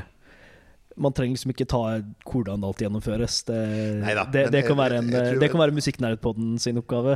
Jeg tror det er å sitte og høre på. på hvis, Mm. hvis du klarer å bare høre på, altså hvis du kjenner henne, så er det fint. Og hvis du ikke kjenner henne, så kan du bare høre på. Mm. Tenk at dette er første gang jeg hører. Ja, ja. Så jeg kan, eh, jeg kan jo legge inn liksom eksempel av hovedtema Ja, og sidetema ved siden av hverandre. I podkasten her, så når du da hører på satsen sjøl, så kan du liksom OK, mm. Så hvordan ligner det jeg hører på nå, på en av så her? Ah, OK, ja. Ja. det er sånn, og da begynner du å skjønne litt prosessen, da. Så det er på en måte, når du sitter og hører på en gjennomføringsdel, da, så sitter du og hører på Beethoven sine tanker om For han har jo gått og jobba med det her i årevis, da, ikke sant? Små variasjoner på melodien, og liksom Ja, men den lille delen her, kanskje vi skal gjøre den sånn, eller sånn? Eller hva med sånn, eller hvis du snur det opp ned, eller hvis det er Ikke sant? Og så blir det bare en sånn eh, Du forstår mye mer om hovedtinget, da. Det er en Ja. reise, og så er du litt annerledes når du kommer til slutten, i, der det repeteres, da. Jeg tror kanskje det altså Beethoven i forhold til Mozart, som liksom sa Mm. du og skrev en symfoni var som å stå på en fjelltopp, og så kom det et eh, lyn, liksom, og så så du landskapet, og så Det var det, da skriver vi bare Ja. det ned. Mens eh, og liksom, det var, han skrev det uten å torde gjøre noen rettelser i det hele tatt. Mm. Mens Beethoven var en helt annen figur der. Han jobba liksom gjennom Mm. skisser og sånne ting. Og det er mye mer etter Beethoven og sånne, sånne ting som ikke ble brukt, da. Men Mozart han skrev liksom bare alt Mm. Ja, ja. han. Han eh, Ja. så Beethoven litt mer sånn arkitekt, på en måte. Ja, ja, og- ja, så han var litt mer sånn eh, Ikke så Mm. Han ville jo gjerne være sånn barnegeni, også Beethoven, faren Mm. hans spesielt. da ja. Men uh, han eh, kom liksom ikke helt, helt der, sånn på Mozart-stadiet, liksom. Nei, Mozart var jo uh, undeniable, Ja, ja, eh, på en måte. Absolutt. Så han uh, jobba, jobba vel mye mer med musikken på sånn teoretisk plan, for å Mm. få ting til å sitte sammen og s klippe av linte Mm. litt mer.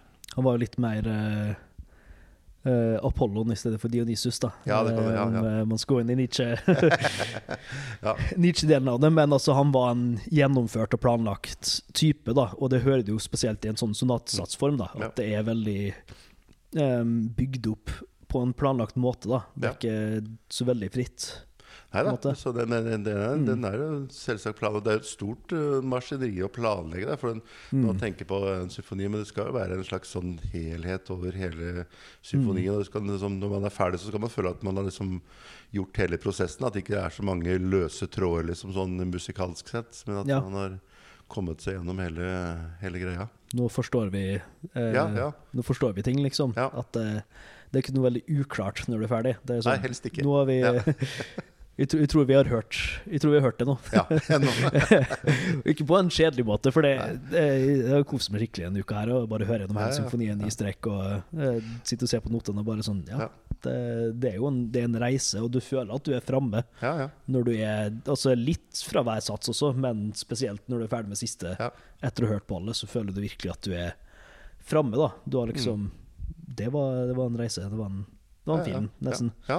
Ja. Mm. Så jeg tror at det er også det, det man tar med seg, at man kanskje kan prøve også å frikoble seg, som du sier, litt fra liksom, mobilen og det her, at man, må skje nye ting hvert eh, 15 sekunder. Ja. At man kan prøve å, å lytte. Ja, ta, last, last ned offline og skru telefonen på Ja, ja. konsertmodus. Det jeg kaller flymodus. Eh, og, eh, og bare hører, du hører på hele greia, eller kjøp en CD hvis du, hvis du er gammeldags. Ja, det er gamle, ja, ja. Ja, jeg, jeg har Beethovens 9. faktisk er den første CD-en jeg kjøpte. ja, ja, ja. Det er litt gøy. Uh, skal, fun fact Ja. med CD. ja. For Sony var den første som produserte. CD. vet du Vet ikke om du kjenner den historien? ja, men bare ta den. Ja, at eh, Han som var sjefen på Sony, da ville vite liksom, for at det skulle bli et seriøst medium med, med Mm. CD. Så spurte han kona som var musikkelsker liksom, hva liksom må til. Og hun sa at Beethovens niende må kunne Ja. gå inn på én CD. Ja. Og det er sånn der, det er sånn, Odde, det det går sånn ca. 70 minutter musikk på en CD. Mm. Hvorfor ikke er det 45 eller 60? Ja. Liksom, så det, Det er jo mer nå, selvfølgelig, men eh, det var på den tida og, så var eh, det liksom gren, grensa var på Beethoven 9. Ja. Liksom. Ja. Og jeg lurer på om LP-en, eh, det var en Mozart-symfoni som definerte, for den er jo rundt 40 minutter eller noe Det kan sånt. godt det er et eller annet den, Ja. Vi kan uh, faktasjekke det litt Ja. etterpå, men, eh, men eh, stemmer det. Jeg har, eh, Ja. har lest i hvert fall om Beethoven, da, at det var liksom en spesifikk innspilling som bare fordi CD-en var jo De måtte bare bestemme hvor stor den skulle være. De hadde jo teknologien, så det var. OK, hvor lang skal den være? Eh, Ja. Beethoven. Det, det er det, det obvious svaret, da. Ja, ja, ja. Så det, den har Mm. vært eh, formgivende for mye. Ja, ja. Så eh, eh, apropos form som man bryter med, da. Eh, så er vi jo da i andre sats, Ja, For det jo- Kan jeg få si det? Bare en ting med slutten av førstedasen. selvfølgelig. For det, er, det har noe med, med hele det her som jeg, jeg snakka litt om, tredje symfonien, Mm. Eroica. Ja. Som har en, en andresats som er en sørgemarsj. Mm. Liksom en- død, eh, heltens død. da Ja. I slutten av førstesatsen så kommer det også en sånn sørgemarsj. Mm. Og den, Ja, stemmer. og den jeg tenker jeg på, Det er liksom mange som har tenkt hva er det, er det, det er ikke noe, For det er ikke noe helt Altså sånn Utenforstående helt. Helten i Beethovens 9 er jo mennesket selv. da, ikke sant? Mm. Ja. Så man, han tror at det kanskje er Beethoven som sier liksom at dette er den store Supermann som er død, liksom. Mm. I, I musikken, da. At nå er det ikke noen Eller så han sier fra han Det fins ingen helter mer. ja. sånn at eh, Gud er at, død. Ja, at, at, liksom at den, eh, den eh, sier noe om at nå må man som menneske stå opp for seg sjøl. Og det, som det er kanskje sånn direkte link til siste, siste satsen, da, som sier Mm. at nå må liksom mennesket stå omslynget, og alle må være, være, være sammen. Og det, Mm. vi må være våre egne helter, liksom. ja.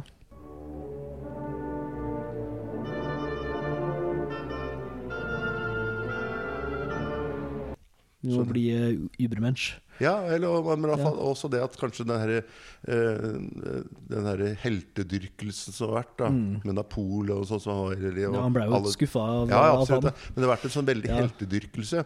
Mm. Jeg tror også den, I den tiden så var det at man så at ikke heltene var liksom ikke de man skulle stole på lenger. Man måtte stole på seg sjøl. Ja. Og det var jo veldig skummelt for, for, Mm. for de som satt med politisk makt. Hvis folk begynte å tro på seg Ja. sjøl. Liksom.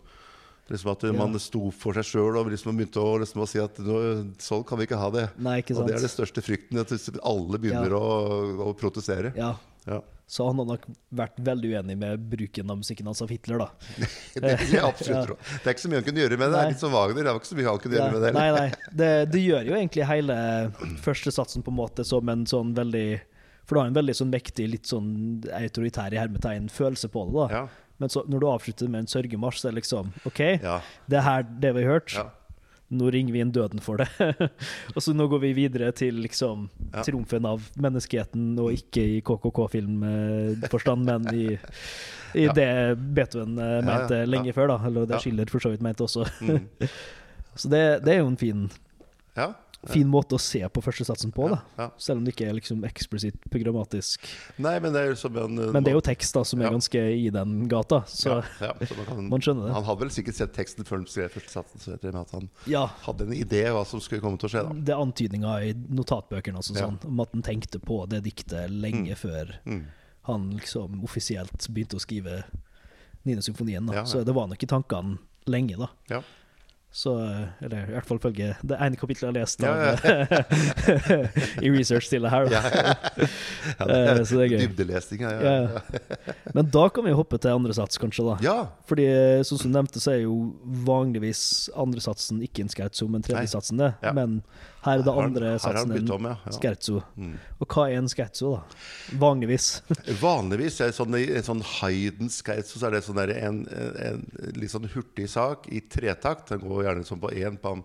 Den går bam, bam, bam, bam, så den mm. går i tre fjerdedeler, men den slås gjerne på én. Ja, det så den jo går ganske en, kjapt. En, to, tre. En, to, tre, en, to, tre, Så én, én, Ja, én. og så er det Mm. I riktig så gamle dager så er det gjerne sånn der litt mer bondsk stemning. Sånn, at man har eh, en sånn trio-del som går litt langsommere. Først man har en lang, eh, rask innredning som repeteres noen ganger. Og så har man en litt sånn trio som er kanskje litt uh, mer melodisk.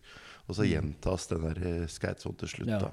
Og trioen er vel en sånn trestemt sak. Ja, det kan være ja, det er my, mye forskjellig, men det er ganske enkelt. da Så det, Mm. Ja. det er vel mye av det som var tatt med liksom fra det folkelige inn i, inn i konsertsalen. da Det var mye mer sånn eh, ja, En annen komponist som heter Mahler, tok med seg det som heter Lendler og sånne ting inn i symfoniene sine, som var mer sånn folkelig musikk. da som, ja. Ja. Det er jo starten på nasjonalromantikken på et vis òg, at du tar det folkelige Ja.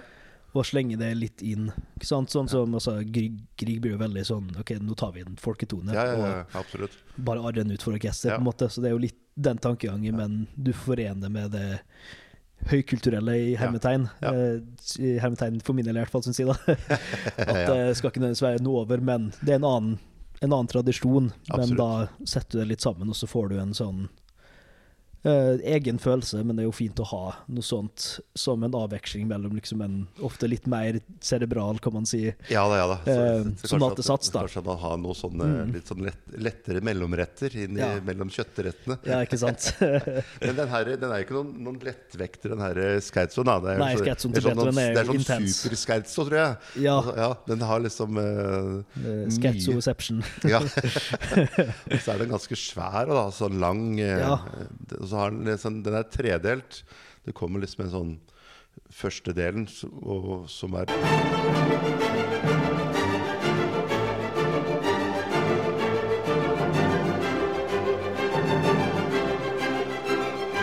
pim, pram, pa, pa, pa, så blir, det er jo fortsatt tretakt, men eh, absolutt, og, veldig... den, og den, går også veldig sånn fugert. Ja. Altså, at det liksom kommer stemme på stemme på stemme, på stemme mm. som liksom er veldig sånn, uh, vanskelig å følge med. Men ja. bare tenke på høre etter rytmen. da, ja. at man har... Uh... Hør etter det, og hver gang du hører et nytt instrument, følg med på det nye instrumentet. Ja, ja. Så har du ofte en fin føring på liksom, det du skal følge med på. Og så kommer det sånn pauke inni hele tida. Ja. Som, sånn- Ja, ja, og det tror jeg var, det Ja. må ha vært altså, morsomt på den tida. Da, ikke sant? Ja. For at Pauke var jo ikke brukt på den måten i det hele tatt. På noen, det var, det, det, okay. Mm. var sånn der, og den kommer liksom inn og stopper liksom musikken på de mest rareste steder. Ja. Og det er En som prøver å si noe, komme inn på inn i hele tida. Så det er sånn bam, bam, Og så kommer det Ja, og sterkt og veldig veldig sterkt.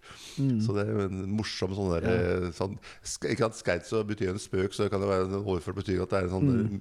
både musikalsk spøk og spøk på, på Ja. Sine vegne. Da, at man liksom Ja. eh, gjør spøker med selve formen også. ja, for det skal jo være en litt sånn eh, lett og morsom ting. Og så han nesten med den lette, morsomme tingen med å gjøre den kompleks. Og, Ja, ja, eh, jeg, jeg tenker på det. Altså, den, den har jo litt som ja. i, i en, en, en annen komponist som, eh, som heter Bruckner, Mm. som i sin niende symfoni også har en, har en scherzo som er minst like voldsom. Mm. Som har liksom sånne helt sånn crazy Det står skates, men det er jo ikke scherzo. Det er katedra. Sånn der helt sånn. Jeg tenker også at Han har helt sikkert Han var jo en fan av Beethoven. Jeg tror også han har hørt på den scherzoen til Beethoven og latt seg inspirere av den til å være Ja. en sånn heavy metal-scherzo. Ja, det, jeg burde egentlig lage en egen spilleliste med eh, symfonisk musikk for metalheads. For Ja, ja, det er ganske mye Uh, Mye Bartok-kvartett òg, spesielt, som Ja, ja, er ja, ganske passende for det. det. Det kan jo være idé, note to self, idé til en egen episode, Ja, ja, ja. at jeg snakker med metalhead om uh, det. Men uh, i hvert fall, da, den uh, her er jo Den satsen her er jo ganske massiv, og du har den er jo tredelt, og første og siste del er jo repetisjon noenlunde, med en litt sånn annen hale, men du vil liksom kjenne igjen den starten av Og igjen, den melodien kommer jo en og en. det Den kommer mange ganger. Du- det er bare den det- spilles mange ganger samtidig også, litt Ja, ja, ja. sånn eh, staggered, og så Ja. kommer alle sammen, og så er det delt igjen i forskjellige instrument og så videre, da. Um, og så er jo hver uh, første del, og, eller den første delen og den siste delen av skeitso-biten, liksom, er jo også en sånn mini-sonatsatsform og en fugeform samtidig. Absolutt. Det er, det er eh, Ja. mye som foregår. Altså. Så det, det skal Ja. kanskje ikke gå helt i detalj. Det men- trenger vi ikke. Mm. Men sånn kompositorisk så er det veldig komplisert. Altså, Ja. I en sånn scherzo-form som skal være sånn lekenhet, så er det veldig, veldig mye som skjer. Det er interessant å vite mer, bare at uh, det her er liksom uh, eller Når du hører på det, så kan du bare tenke over ja, det her er liksom uh, firedimensjonell sjakk i forhold til det, det som ble gjort før. da. Ja. Og, Og- og ikke at det nødvendigvis er om å gjøre å være mest kompleks, for når du hører på det, så er det jo fortsatt en banger. da. Det, Ja, ja, ja, det er jo gøy. Du sitter jo og headbanger, på en måte. Det, det er veldig artig eh, å høre på Absolutt, likevel. ja. Tenk at det er kanskje den, den Mm. største liksom, sånn at man klarer å lage musikk som er både for, eh, Mm. for nerden og for uh, alle som liker å høre på musikk. da. At for the brain and the booty, som ja, så, ja, eh, dem i Snakkepuppy sier. Så alle har noe. Og så er det en sånn fin eh, som jeg tenker på, som er eh, og til den andre delen, da. Ja, midt, som, midtdelen. som har en Mm. sånn derre en slags sånn metrisk modulasjon, heter det da. For den går over til Ja. tretakt, til totakt. Mm. For den går tota, tota, tota, tota. Så den har liksom en sånn ja. overgang som går fra tre til, til to. Ja.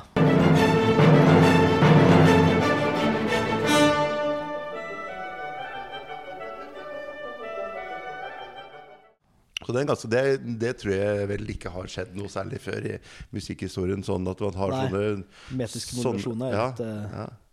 Så litt den- avansert. Ja, ja så, men den, Ja. den høres jo veldig Så plutselig går, den, går de to, og så jøss, nå skjedde det. Ja, ja, ikke sant.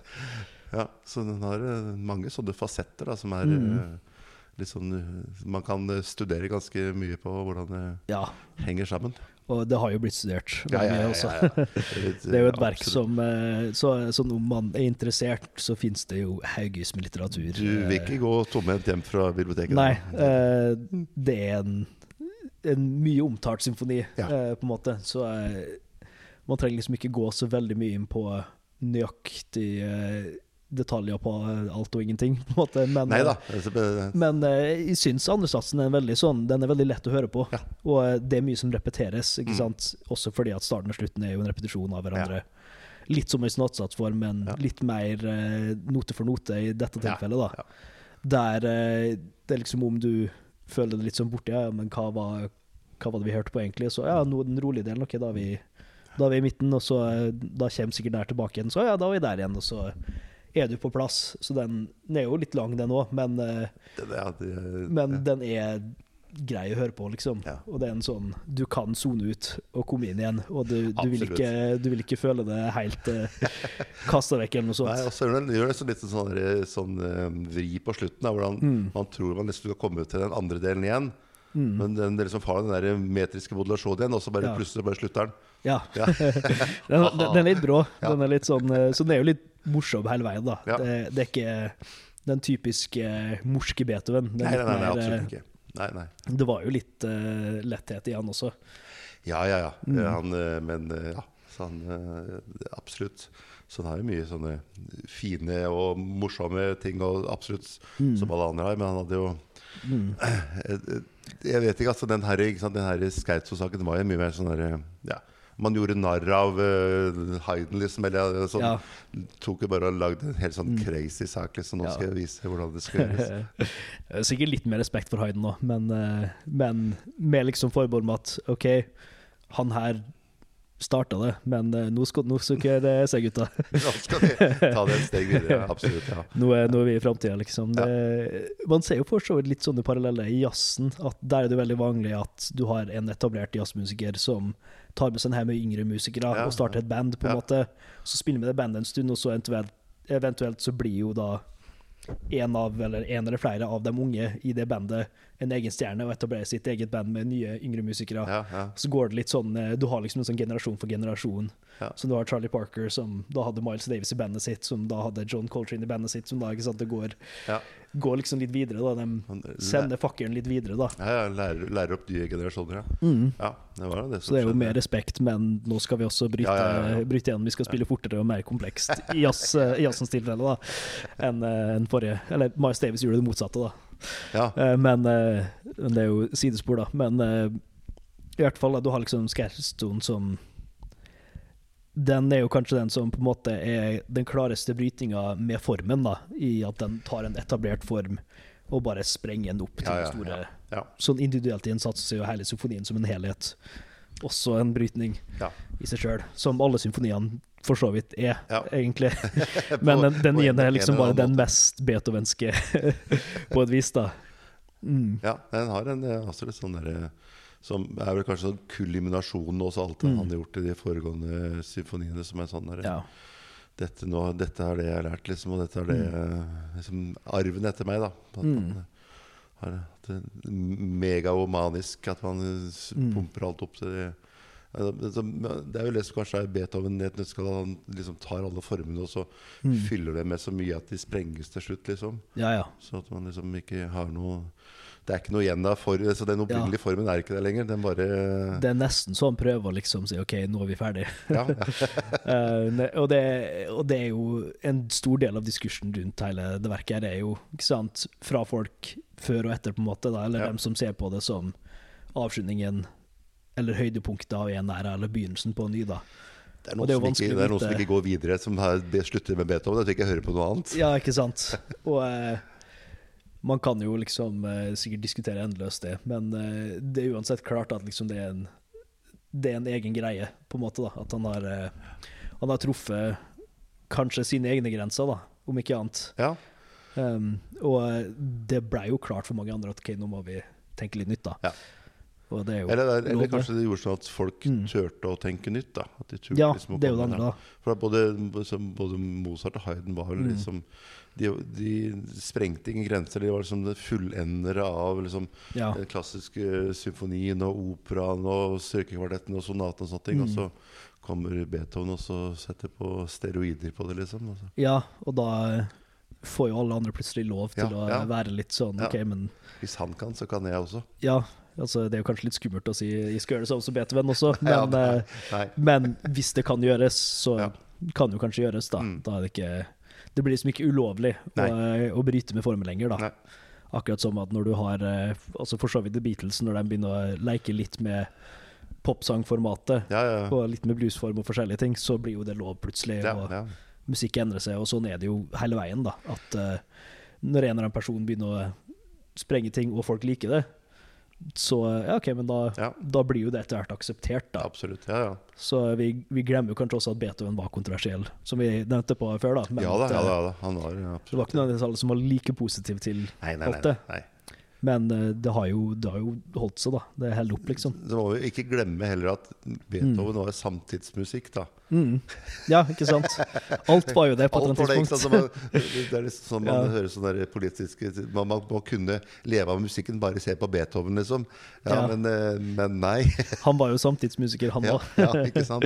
Og han hadde ikke akkurat så, så fett med hele tida, liksom. Så, det, så vi må ikke glemme det at, at man, de tingene skjedde jo i, i Mm. samtiden, da.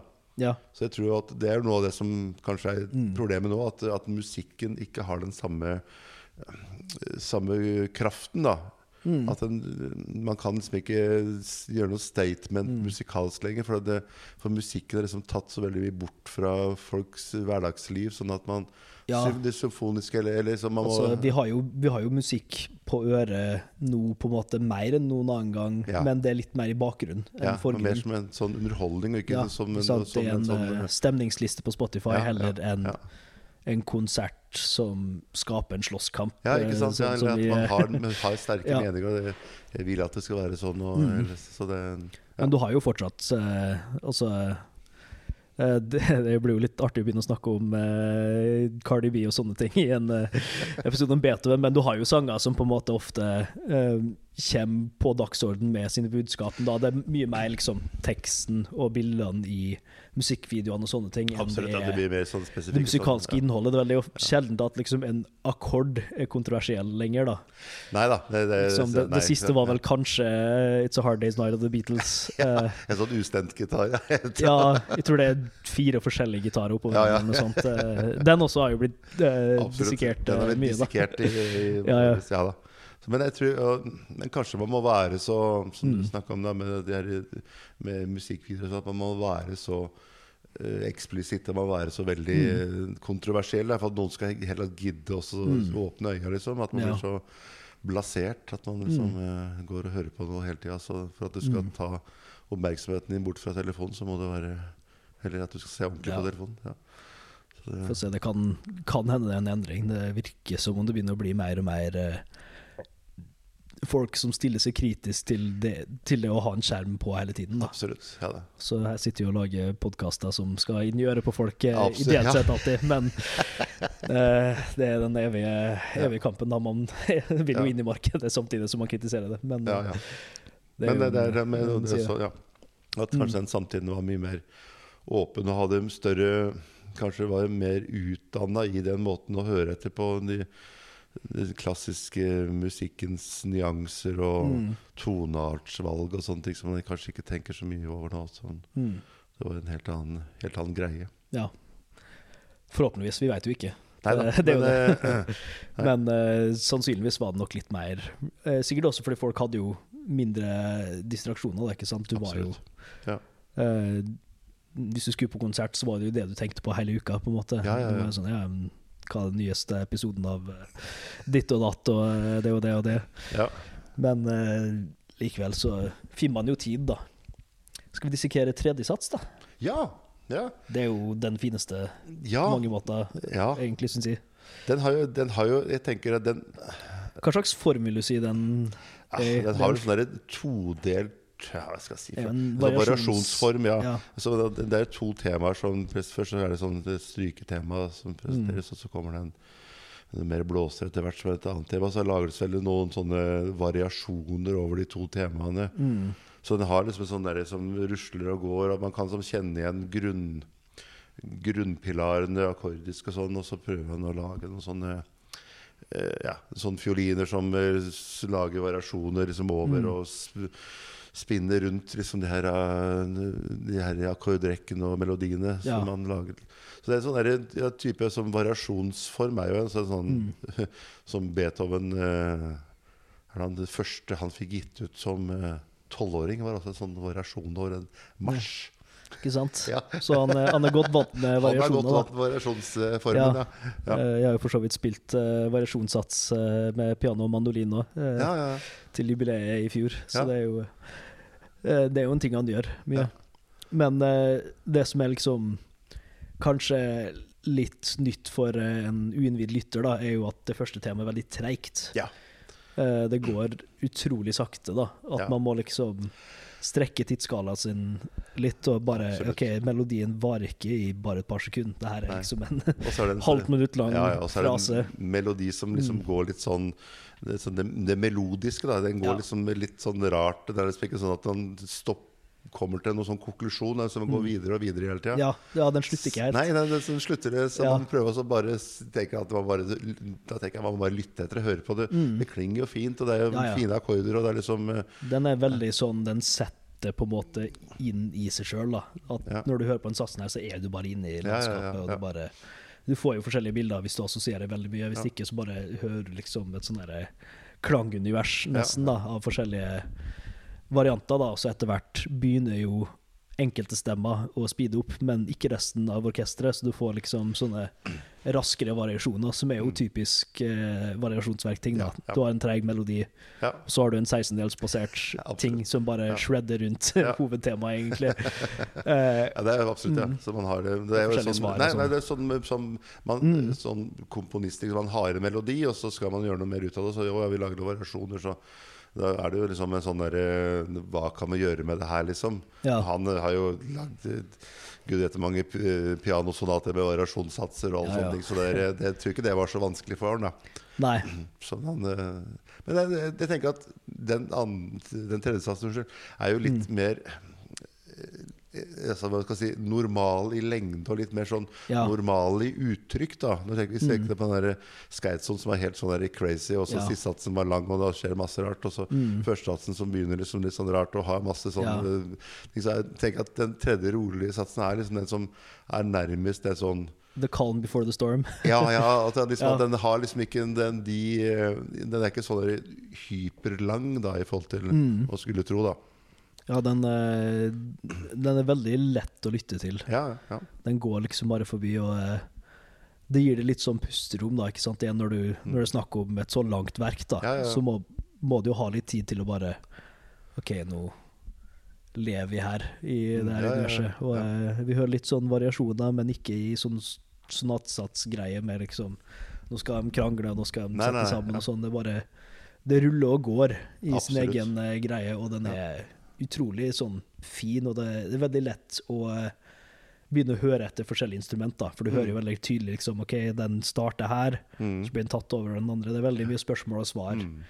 i en eh, litt mer sånn gjentagende greie enn en dialoggreie, da. ja, absolutt. Så jeg tror at den, den er jo ganske sånn lett Mm. lettfattelig. Da, som at Man trenger jo ikke ha, tenke på at nå kommer det, nå kommer det. Mm. Bare sitte og høre etter liksom, på, Ja, ja. på en fin melodi, og så kommer det noe variasjoner. Det kommer liksom noen noe sånn tilleggsnoter og litt sånn hurtignoter oppå. Så det er Mm. litt sånn Den er liksom lett, å like. Ja, veldig lett. Og det er veldig mye Vi hører veldig mye sånn Mozart eh, Mozart-kromatikk, helt på å si. Eh, Den typiske vendingen der, da, men den er så fin. Og han Den, den er litt sånn tilbakeblikk på mange måter. Ja. I melodiføringa hører jeg da i hvert fall. Jeg Mm. føler veldig sånn mozartsk Absolutt. ja. eh, greie i følelsen av den. Som er ganske har jo litt sånn derre Mm. Er det Er det Måneskillsonaten? Var det den samme melodi? Ja, det melodiske Ja, det er jo flere Ja, det, så det har liksom, det er mye sånn Det er mye sånn som ligner litt. Ja, det er rart. Men når man, da, da, da, når man bruker mye treklager, så er det rart at ting begynner Ja. å ligne på hverandre etter Ja, hvert. ja, når du har Albert i bass og Ja. det andre også. Men sånn spesielt da-da-da-dan, da-da-da-dan, Det er jo en også som går ut. Ja, ja. Ikke sant? Ja, ja. Så eh, når, når du skriver så mye musikk, så går jo ting litt sånn om igjen. Det er gjør jo- ofte det, det er men det er, det er litt som, som akkordskjema på popmelodier. At det Ja, er, det er 40 største hit på de samme Mm. fire akkordene. Er det? Det er som eh, Må kanskje finne en faktasjekk på kvoten, men eh, jeg mener at AC, gitaristen i ACDC ble intervjua en gang, da. Og da sa reporteren eh, et eller annet som Ja, dere har jo laga sju album, alle høres like ut. Nei, nei. Åtte album, og alle høres like ut. Oh, ja. det er litt sånn, De fa- fant sin greie, og de bare gjør det, og og det funker. Og eh, Det er lov, liksom. Og jeg føler den satsen er litt sånn Det er ikke noe veldig banebrytende, Nei, den er ikke men det blir jo gjort riktig. Ja, ja, ja. Så eh, den er veldig grei. Også en fin plass å starte, sånn sett. Men gjennom hele symfonien her, det er ingenting som er veldig utfordrende om ikke du prøver å forstå det intellektuelt. da, liksom. Hvis du bare hører på det, så blir du tatt igjen med en reise. Ja, ja, ja. Og du bare er i nok sinnsro til at du kan sitte i en time og ikke bli helt sånn eh, gæren. Kanskje, ha en, kanskje sitte og strikke, eller eh, ha et eller annet å pikke med hvis du er litt urolig, men eh, det går veldig fint. Ja da. Og så jeg tror Mm. at jeg, jeg, tror jeg, jeg føler at det er litt sånn noen oppdrag man kan ha på seg sjøl. At man klarer å Mm. Som får liksom hjernevinningen til å gå litt roligere. At man ikke må ha sentral stimuli hvert eh, tiende sekund. Liksom. Ja. Jeg tror kroppen har godt av det, og den har liksom Mm. godt av å jeg, er ikke, jeg tror ikke vi er gira opp til å sitte og se på den der skjermen helt, eller, eller få impulser hele tida. Jeg tror at eh, kroppen Mm. blir helt eh, Den blir overstimulert. Så det Ja. er så klart også å komme liksom tilbake til en mer sånn rolig Rolig puls. Det kan være bra for ja. så mye Det trenger ikke være hver dag, men av og til. Nei, nei. Spesielt den satsen der er fin til det. da. Ja. Eh, Det, overstimuli kan jo kanskje være en fare i både siste sats og andre sats Absolutt. absolutt inn her, da, men, eh, men eh, den er veldig sånn typisk eh,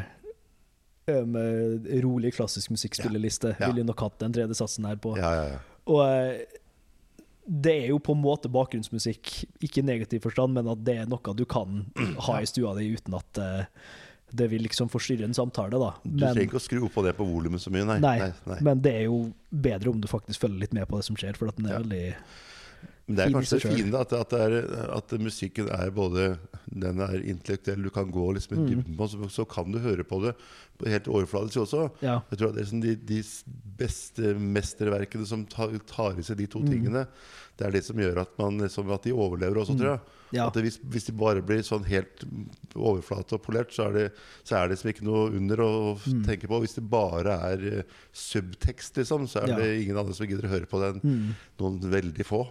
Ja. Så det er kanskje derfor også det blir et sånn Mm. ikonisk verk at den klarer å ta i seg både det som de kan sitte og studere i årevis, men Mm. likevel så er det såpass at man kan høre på det og synes at det er eh, en fin melodi med en gang. Mm. Det, det er liksom den perfekte balansegangen, da. At Ja. det er Det tar virkelig lytteren på en reise som det er vanskelig ikke å bli dratt med på, da. Ja. Det, du, vil, du vil få med deg et eller annet, på en måte. Eh, og det vil også belønne at du lytter på det igjen flere ganger og dekonstruerer, Eller ikke. Du kan også bare høre en fornytelse tusen ganger, ikke sant? Så kan du ta, fra fram en eh, bok som du har lest om Beethoven, Ja. altså, om, om samtida. Og, mm. Det er jo en sånn historie sånn, det, det, var jo mye mer i sin tid enn kanskje komponister er nå. da At de kommenterte mye mer, og de var mye mer kanskje sto litt mer på barrikadene. Og, og at man eh, liksom venta på neste symfoni, liksom, hva er det som skjer nå? Og så hva har Ja. Beethoven funnet på nå? Sånn Man at, satt, eh, satt spent og liksom ja, ja, ja, det var Ja, og det var kanskje unntaket her, men vanligvis, så vidt jeg vet, så ble ofte eh, selve partituret publisert før ofte første konsert. Ja, ja. Men jeg lurer på om Ja, det den niende så gjorde han ikke det. Jeg tror han hadde veldig dårlig Jeg tror at det var også veldig mye sånn der forskjellig sånn at man hadde mye dårlig papir og mye sånn ikke, Han hadde sånn etter. Kan du se på det han hadde skrevet, hvor eh, om han hadde fått penger eller et eller annet? For da hadde han plutselig svære partitursider og selv sånn, masse små sånne lapper som han skrev på. Ja. Men det var også en sånn ting som var før Hvis vi bare drar litt lenger fram til sånn til Wagner og sånn, da. ja. At han hadde, altså Operaene ble ikke satt opp liksom når, med en gang. Så de fant det som, som heter piano heter på norsk pianouttog. Altså Ja. pianoutgave av, av operaene. Så folk satt hjemme og spilte operaene, så de kunne operaene eh, når de kom. Ja. Og så var det sånn Wow! Det var det han gjorde! Det er var ganske- det, det, ikke sant? Så man kunne, ja. Det kunne står jo ikke «Nå- spiller celloen det her', ikke sant? Nei, nei, nei, ikke sant? Ja. Så det, er sånn, det, som, som ja, at det plutselig kommer uh, det Tristan, ikke sant? Å, det er cello som spiller der.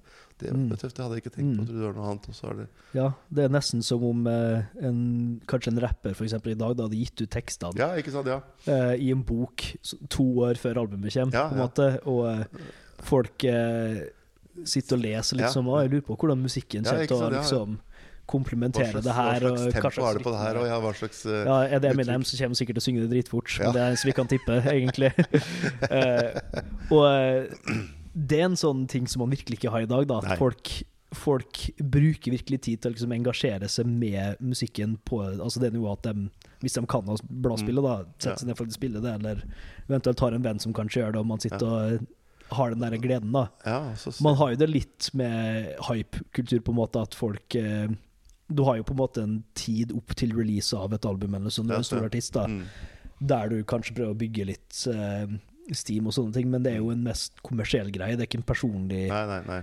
ting i like stor grad da, som er interessant, da. Men samtidig er jo utøveren mye nærmere fansa nå. At man Det spørs litt på utøveren, selvfølgelig, og hvor stor du er, men eh, Men eh, man har det liksom litt mer vanlig med meet and greets. Man Ja, kan ja, ja. bare sende dem en melding på sosiale medier og sånne ting, og at man får ofte svar, folk livestreamer og sånne ting. Og det er jo litt Det er en sånn ny greie som man ikke hadde like gjennomfør Altså det var ikke like gjennomførbart da, da. Nei, nei, nei. nei. Så eh, liksom, det er jo elementer av det, men det, det er ikke helt det samme. Men ting endrer seg jo, da. Så Absolutt. absolutt. eh, Så jeg tror at eh, den det var, en, eh, det var en annen tid. Jeg tror man ikke skal eh, på Mm. noen måte ønske seg tilbake til eh, verken det det ene eller det andre. Men, men kanskje prøve å tenke på at, Mm. at det er en grunn til at det har overlevd. Da. At det har liksom tålt Mm. tidens tann. Da. For jeg, jeg leste en gang et sted at mellom 1800 og 1900 så ble det komponert noe sånn som 15 000 symfonier Mm. i Europa. Av de Ja. naturlig nok diverse komponister. Men ikke sant, hvis du tenker Så er det kanskje i Mm. orkesterlitteraturen Så er det kanskje 50 symfonier som blir spilt. da Ja. Og, og de fleste av de ble skrevet på det. Og av de, altså ja. 15 000, da er det, ganske, det er 50 Mm. ganske lite. Da Så det er jo Det er litt sånn typisk eh, Pareto-distribusjon at uh, 10 på en måte av komponistene blir spilt jevnlig, og kun 10% av musikken deres blir spilt ja. jevnlig der, der igjen, og kanskje 10% av satsene igjen. Ikke Ja, sant? Det er en sånn evig så en- utvalgsgreie, ja. men liksom den niende er så ikonisk at den blir ofte referert til bare som den niende. Ja, ja, ja, Du trenger ikke si Beethoven engang, eller symfoni. Det er bare liksom den niende. Liksom i Grieg A, musikkontekst. som Ja, A-moll-konserten. Er jo litt samme, samme greia, da. At det er noen ting eh, setter seg litt eh, så stort i kulturen, da. Mm. Og eh, sant, til den grad at liksom eh, Rowan Atkinson da har en egen sketsj der han sitter og prøver å Prøver å eh, late som han kan å synge på tysk, ikke sant, med, med Beethoven. da Den er jo fantastisk morsom. Eh, og eh, når den liksom sitter så, så inn i blodet til altså mest Europa, selvfølgelig, da, eh,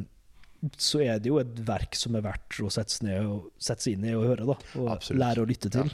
Absolutt. For å ta catchphrasen. Lære, ja, lære å lytte til, absolutt. Men, jo ikke, eh, man vil jo ikke akkurat si at det er bortkasta tid, tenker jeg. det. Nei. Man vil jo lære noe, og jeg tror alle som driver med hva Mm. som helst innen innen musikk, vil kunne dra nytte av det og lære Mm. noe av det. Så jeg tror at eh, Ja. Og samme hva du gjør for det, egentlig.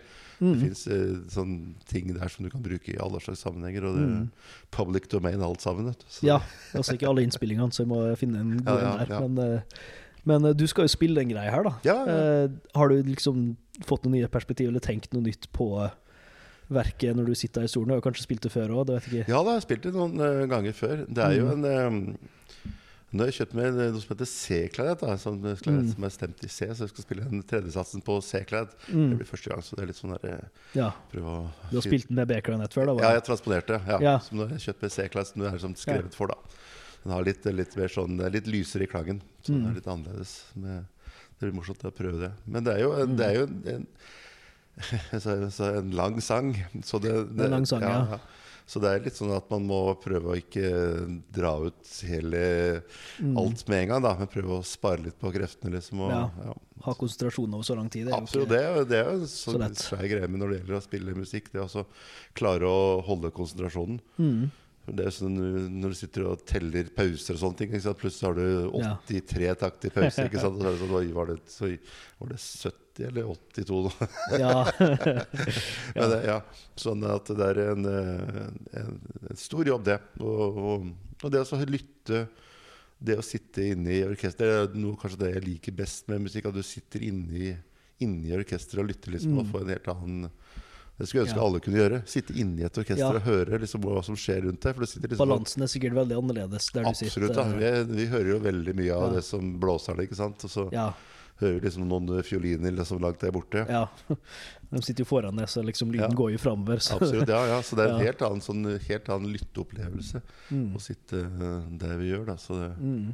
så det er, eh, og vi får liksom sannsynligvis koret bak oss, og sånn, så det, det gjør at du får liksom sånn litt sånn uh... Skudd i ryggen. Ja. Enda verre enn trombonene. Ja, ja, ja nei, men, det, men det er morsomt. Ja. Så det, nei, det, er, det å sitte og spille i orkester er jo en helt Ja, for du må jo liksom produsere produsere all lyden sjøl, da. Ikke? Ja. Det som er greia, at liksom, du, det er du som er ansvarlig for at den Mm. lyden som kommer ut, er bra, liksom. Du har liksom ikke noen, noen lydmann du kan skylde på heller, da. Nei, nei. Og så eh, igjen med den derre broderskaps- og menneskelighetsbudskapet, da. Mm. Så er jo nesten formatet i seg sjøl på en måte en oppfyllelse av ideen, da. At eh, du har såpass mange mennesker, så vet ikke hvor mange som kommer til å stå på scenen. Nok, ja, det, det vet nå, jeg ikke. men, Det eh, er vel 70-80 stykker i orkesteret, så er det vel Ja. så er det noen svære kor og noen solister. Så det Ja, blir, sikkert en Så det blir jo 100. i hvert fall sikk- godt over 100 sikkert ja. folk som står på scenen og skal sammen bringe fram det her eh, Absolutt, svære det, verket. da. Ja, så man er avhengig av at alle liksom spiller på lag, da, for å være sånn Mm. at man alle, Man er jo veldig avhengig av hverandre. Mm. Man er liksom avhengig av at noen andre gjør noe for at du skal kunne gjøre det du gjør. Mm. Så at uh, i et sånn orkesterkollektiv så vi pleier å sitte, vi sitter i et sånn kjempestort åpent kontorlandskap. Ja. ja, det er jo litt sånn. Eh, Så at det, på, og på godt og vondt, da, for du Mm. sitter jo der på, litt på utstilling, og så må du gjøre så godt du overhodet kan. Og så er det liksom at må man håpe at de andre gjør så godt de kan, og så at Mm. resultatet til slutt blir eh, noe som faller i smak for de som hører på. mm. For den er jo kjent for å være relativt vanskelig å spille for de fleste, er det ikke det? Jo da, det er mye sånne tekniske Ja. ting som er vanskelig, som krever liksom at man mm. uh, gjør litt eh, forarbeid, øve litt Ja. og sånne ting. Ja, ja, Jeg så en kommentar i den boka med det var et par av sangerne, og solistene, som eh, spurte om Beethoven kunne liksom ta noen av de høyeste notene, og så sa han får du bare gå og synge opera, eller noe sånt. Han var liksom veldig sta på det. da. Han er vel ikke så kjent for å skrive så veldig eh, sånn lette korpartier eller sangpartier, Beethoven. Nei, da. nei. Så han eh, har liksom ikke noe sånn, eh, sånn Ikke noe forgivende Han ga ikke ved dørene der, altså. Nei, han var jo litt kravstor, og så var han jo selvfølgelig såpass flink på piano sjøl at han Ja. tenkte jo sikkert bare litt at ja, jeg har jo øvd og fått det til, Ja, ja, så du kan jo sikkert øve og få det til, du òg. Kanskje altså spesielt når det gjelder omfang, da, med både blåseinstrument og kor, ja, at det er også noen fysiske forhold som er litt vanskelig liksom, enn å bare spille fort på piano. Liksom. Det er jo repetisjon, men en høy whatever tone det er, for eh, noen kan være For ja, høyt. Anatomien din går ikke, ikke sant? Det er jo det for høyt Absolutt. betyr. Men Ja. Neida, sånn, eh, han, kravstor type. Men det har jo, det har jo gått. Ja, ja, det, ja. det går jo, på en måte. Så eh, eh, Absolutt. det er krevende, men det er spennende. Og det, Ja. det er noe unikt og stort med så mange folk som jobber sammen Ja, for å lage et ja, resultat. det, absolutt, som, det er det. Så det er Mm. helt, det er kanskje litt sånn der unik eh, greie som er da med et orkester. For det er jo liksom Man tenker på at det sitter sånn derre pingvindrakter, liksom, og, og det ser litt rart ut. da Men Ja, ja. grunnen er jo at man skal liksom ikke stå i veien for musikken. da At man ikke skal sitte med hawaiiskjorte, liksom, og at folk begynner å se bare på Oi, hva er det rart han har på seg? Men alle har på seg liksom en sånn uniform da som, som gjør at uh, det man produserer, kommer i forgrunn, og ikke, det, Ja. ikke personen. da Ja, ikke sant? Hadde alle hatt si, sitt eget outfit, så hadde det Ja, ikke sånn. sant, Sponsa av et eller annet. Så, Ja, ja. så hadde- man Så hadde liksom, du brukt all konsentrasjon på å se på det. Ja, er derfor alle på fotballag kler seg likt, eller eh, Ja, Det er fordi de ikke ja. at motstanderen skal sentre seg. Det, ja, ja, ja, det òg. Men, men at liksom, man er på lag, og man ja, ja, skal, absolutt. Sånn man lag- skal jobbe sammen. Eh, og da er helheten viktigere enn personen. Ikke at personene ikke er viktige, for det, det er jo det. Alle er jo essensielle, i tillegg til at helheten er essensiell. da. Det er både helheten og Mm. individet liksom, som er uh, viktig. Og det er kanskje også det som, er, som, vi snakket om i den siste at man liksom ser på at ikke det nødvendigvis er den uh, superhelten lenger, da, eller Mm. eh, helten som skal stå i forgrunnen og dra alle med, som at alle skal liksom være bygge hverandre opp. Mm. da Så Kanskje en sånn første sånn selvhjelpsbok i, i Mm. hvordan te seg og bli et bedre menneske. Ja, det er liksom å jobbe sammen og hjelpe andre mennesker, Ja, først og fremst. Eh, Egentlig veldig demokratisk Ja, tilnærming, som eh, det er vel Er det ikke den offisielle. EU-nasjonalsangen? Ja, jeg tror det. På et vis, eller Den har jo blitt Ja. sendt til verdensrommet, for så vidt. Ja, ja, når. Berlinmuren falt, og så var Ja, det sånn at Bernstein dirigerte i 89. Og, Ja, ikke sant? Så det, den har jo mye historie og har blitt tillagt såpass mange forskjellige kontekster, og vil Ja, ja. jo sannsynligvis vare en stund til. da, og Det er jo ja, ja, ja. 250 år siden han døde, var det 1827, ja. Ja, eller var det Nei, altså, for han hadde jo 250-årsjubileum i fjor, men eh, jeg husker ikke om det var fødsel eller i. Eh, det, det var sånn 1770 gjør han født, da. Ja, Så det var Ja, 250, så det fødsel, ja. Det er bedre å feire fødselen tenker jeg, enn feire døden. Det syns jeg alltid Ja. er litt sånn deprimerende. ja nei, det, det er jo det, men uh, hvem vet. Ja. Ja, så det er jo en Jeg skulle egentlig gitt ut en episode her i fjor, da, sånn sett, men, eh, Ja, ja. men dere fikk jo ikke spilt den niende i fjor, Nei, for det var jo, det. eh, var jo en global pandemi der vi igjen måtte samarbeide, hele menneskeheten, Absolutt. for å få til ting. Og Så det var jo ikke mulig å ha så mange folk Nei, nei. Vi hadde jo en sånn Beethoven-festival i fjor med sjefdirigenten vår som heter Nathalie Stotsmann, hvor vi spilte liksom de Mm. åtte første. Men Ja, vi så så med jo nesten alle. Jeg rakk ikke Jeg tror det var én konsert jeg ikke rakk, og den der de spilte den femte og eh, den sju sjuende, tror jeg. For jeg husker, jeg husker i hvert fall at jeg fikk med meg den første, den andre, den tredje Ja. og den sjette. Ja. Så Jeg husker ikke helt, vi hadde litt sånn blanding. For det er, ja, det var de, jo de to må to. mikses på en litt sånn spesiell måte, for det er, litt Ja. forskjellige lengder, de der symfoniene. Så kan Ja, ja, ta alle sammen eh, etter hverandre. Ja. Så. Eh, det, man trenger kanskje ikke høre gjennom alle på rekke og rad, men Nei. det er jo verdt det å sjekke ut Symfonien da. Ja, ja. Men den niende er liksom såpass ikonisk da, at det er en fin plass å starte. ja, for klassisk musikk generelt og for Beethoven, liksom, når du får eh, en sans av Du får en sans av skalaen og det episke som rommer klassisk musikk, da, så er det jo Absolutt. mye annet. som det er som kommer til å bli mange episoder framover i å lytte om forskjellige typer av klassisk musikk. Ja, ja, sånn ja. For at det, liksom, det, det fortjener mer enn å være én sjanger. Ja da, men Det så det, det, den er jo Mm. også en sånn eh? Jeg, tror da at det, er sikkert mange mange protesterer med Uten liksom den klassiske Mm. musikken så ville de fleste av de sjangrene man har ellers innen popmusikk, Mm. ikke eksistert. For de står liksom på både på det akademiske når det gjelder som Mm. struktur og akkorder og sånne ting, og liksom eh, formater og alle sånne ting som Det har lagt grunnlag for ja, veldig mye. Ja, ja, absolutt. Og eh, det har jo gått litt inn på connection mellom eh, eh, spesielt eh, blues og i, i møte med forskjellige europeiske musikkformer som Mm. da, uh, gir grunnlag for ting som country og bluegrass Ja, ja. og hiphop og ja. rock og uh, mye annet. da, enn en sånn, uh, det får være en egen, eh, egen ting, da. Men eh, skal, har du noe mer å oppsummere på selve Beethovens niende? Hvis vi ikke Eh, rabler altfor lenge her. Nei, ja, jeg vet ikke hva jeg skal si. Det var jo Mhm. som sagt at han, han hadde jo sine problemer da før han skrev den, liksom. Og jeg tror Ja. også han øh, visste at øh, at uh, han hadde litt uh, Om han hadde så mange så lenge igjen, liksom. Han var vel litt sånn skrantende og sånn. Så det, så det var vel kanskje sånn at nå må vi gjøre det, liksom. Mm.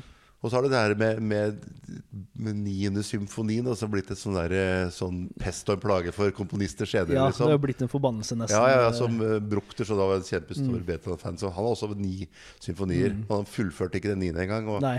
Og en som heter Sjostakovitsj, en russisk russisk komponist, som har skrevet liksom en som er nesten mest noen spøk. Ja, Ja. eh, den heter, heter vel 'I skyggen av Beethoven' eller noe sånt, gjør den ikke? Ja, det kan godt hende, men han hadde Ja. som, som han trodde at det kom hans symfoni. Det kom å en Mm. kjempeskjær, og så er det bare sånn Ja, liten sånn, sånn morsom sak, liksom, Mm. som peker neset til Stalin. Ja. ja. det viser seg at eh, nesten alle komponister etterpå har så stor respekt av det verket her at de enten ikke tør å skrive mer enn ni symfonier. Hvis de gjør det, liksom, så må de liksom med forbehold om at ja, ok, men Beethoven er fortsatt sjefen.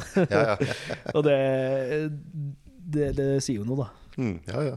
Så Absolutt. Den har en Mm. sånn mm. helt kjempe En, en kjempestanding innen, eh, Mm. innen sånn kompositoriske virksomhet. Liksom, Mm. og du må klare å si alt du skal si i løpet av åtte symfonier, i hvert fall. Ja, ja, ikke sant. Så uansett om man har nok musikkteoretisk overskudd til å sette seg inn i liksom alt som skjer og sånn, så tror du uansett at det lønner seg å bare sette seg ned og høre på Ja. hele greia. Liksom sette, sette av litt tid til det. Mm, Kanskje gjøre det med en eh, kompis eller noe sånt. Absolutt. Og Ja. eh, bare nyte det. For Ja. det, er en, eh, det er jo en reise, da. Absolutt, som du sier. Og det er virkelig sånn et, et, et verk som du kan høre på mange ganger. Det er ikke sånn at Mm. nå, nå, da har vi gjort det, men eh, kanskje at det er en sånn eh, du kan komme tilbake til og kanskje høre dybdelytting senere, kanskje. Og det, Mm. gå inn på det. Kanskje du kan som, sette det bruke det er som jeg sagt, tidsperioden og hva skjedde ellers i Europa på den tida. Og Mm. hva, hva er ståa, liksom. Ja. Ja. Så eh, med det kan vi gå videre til eh, det morsomme segmentet i episoden, da. Oi! Nemlig dagens akkord, som du husker jeg snakka om sist. Ja, det var det, ja. Så eh, vi kan jo ta og gi hverandre for så vidt prompts, men eh, som sagt, ideen er jo at eh, Eh, Du er komponist, så du kan jo sikkert finne på noen morsomme akkorder, tenker jeg. Men jeg skal gi deg et ord, og så kan du prøve å konstruere en akkord. Så hvis Oi. du vil, så kan du gi meg et ord. Okay. Så kan du eventuelt gjøre det først, eh, om det er skummelt. Skal jeg gå først, eller du gå først? Ja, de begynner sammen, det. Ja. Hva skal jeg gjøre? Skal jeg si noe til deg som du skal lage nå? Si noe til meg, så skal jeg lage noe. Oh. Eh, da kan ta, må, måtte det være julerelatert, eller må det være hva som helst? Og helst. dualisme. ja. Ja. Det er jo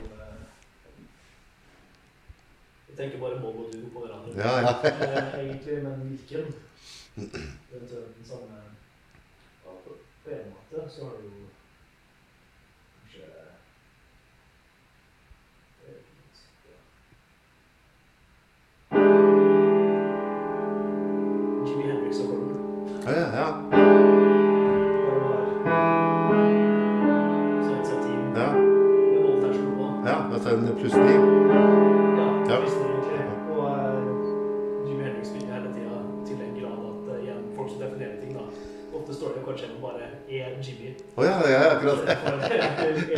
ja,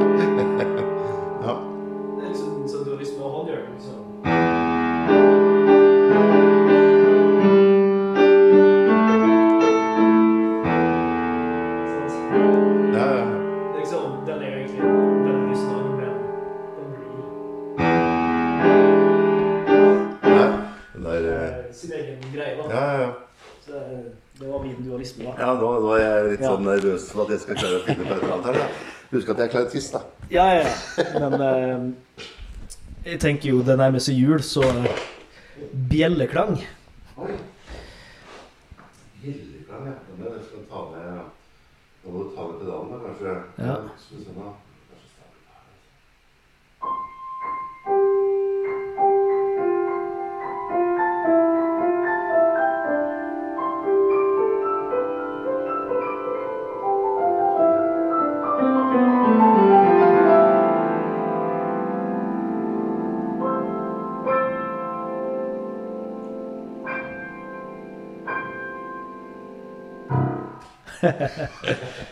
Det er gøy. Så da er da jula runget inn. Skal vi se. Rom, Ja. her. Runget. Runget. Så med det så kan du bare si takk for at du kom. Bare hyggelig. Og så tar vi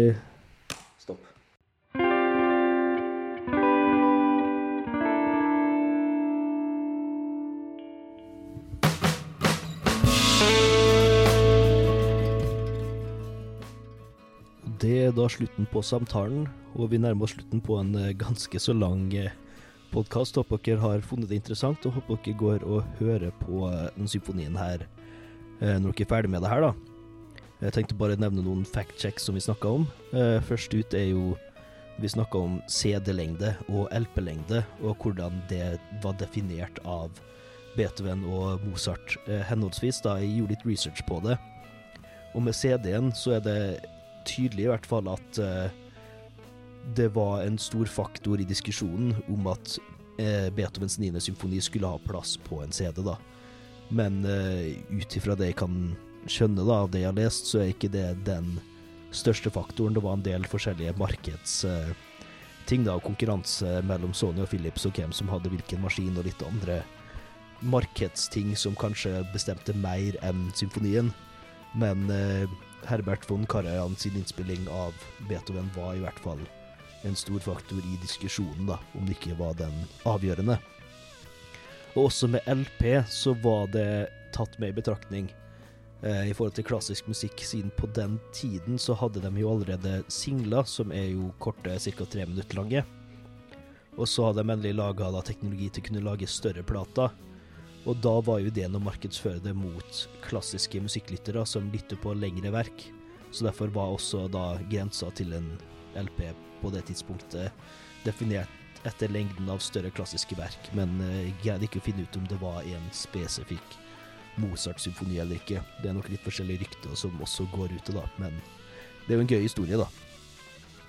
Eh, Jeg nevnte jo også at eh, ACDC i et intervju ble spurt om eh, ja, men alle albumene deres eh, høres like ut. Og eh, det er tydeligvis et spørsmål de faktisk får veldig ofte, og da er jo nesten alltid svaret ja, det er jo samme bandet, da. De har funnet sin ting, og de gjør det. Så det er en gøy liten referanse. Alltid gøy å begynne å snakke om ACDC når man snakker om Beethoven, egentlig. Um, og så kan du kanskje bare snakke litt om opplevelsen min av å faktisk høre det verket her på konsert.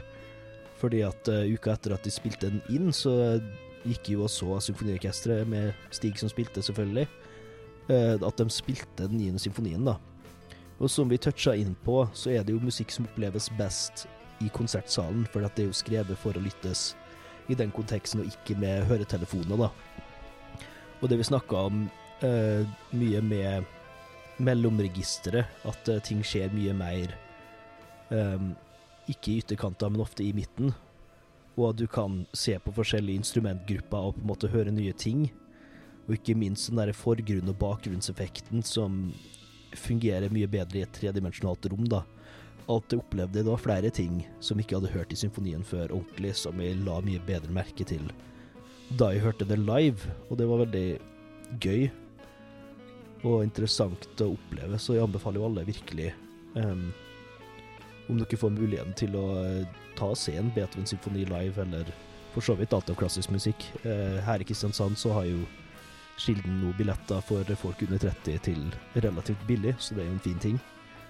Uh, dra på konsert. Hør gjerne på musikken i forkant, så kan man høre om man hører noe nytt etterpå, da. Og så må jeg bare nest, nesten nevne en veldig fascinerende ting, nemlig bassolisten, da. Han Da han skulle synge sin innsats i siste satsen der, så brøyt han jo gjennom både orkester og kor. Det var helt sinnssykt. Det var bare imponerende. Må bare gi litt applaus til det. Ellers så nevnte jeg jo blant annet en Eller vi nevnte så vidt hvordan musikken til Beethoven og for så vidt Wagner ble brukt av Hitler og i nazismen og sånne ting. Og jeg tenkte bare å nevne her, det fins en veldig interessant dokumentar laga av Stephen Fry, som har jødisk bakgrunn. Og han laga en dokumentar da om musikken til Wagner og Wagners egne antisemittistiske syn. Um, og det er veldig interessant diskusjon da rundt liksom kunst, kunstneren og kontekst og sånne ting, da. Så det kan være verdt å sjekke ut. Jeg legger en lenke i beskrivelsen. Um, ja. Ellers så har jo det vært en interessant episode. Det er jo gøy å liksom touche inn på ting som, som elektronika, Cardi B og Justin Bieber, når man egentlig diskuterer musikk som er 250 år gammel, så ja, det er derfor du hører på Lær lytte, håper jeg. Men det jeg bare si takk for at du lytter, og uh, ta og gi Beethovens niende forsøk. Prøv å høre på hele i en uh, en go, så ta det litt tid, legg fra mobilen, slapp litt av, ta en god kopp kaffe eller te eller noe sånt. Uh, jeg har uh, også lenka til en spilleriste i beskrivelsen der jeg har i hvert fall en av mine favorittinnspillinger av symfonien, men det fins jo utallige forskjellige, så finn din egen favoritt òg, det er lov. Ja, så takk for at du hørte på. Takk til Stig for at han ville snakke om det her. Og vi lyttes.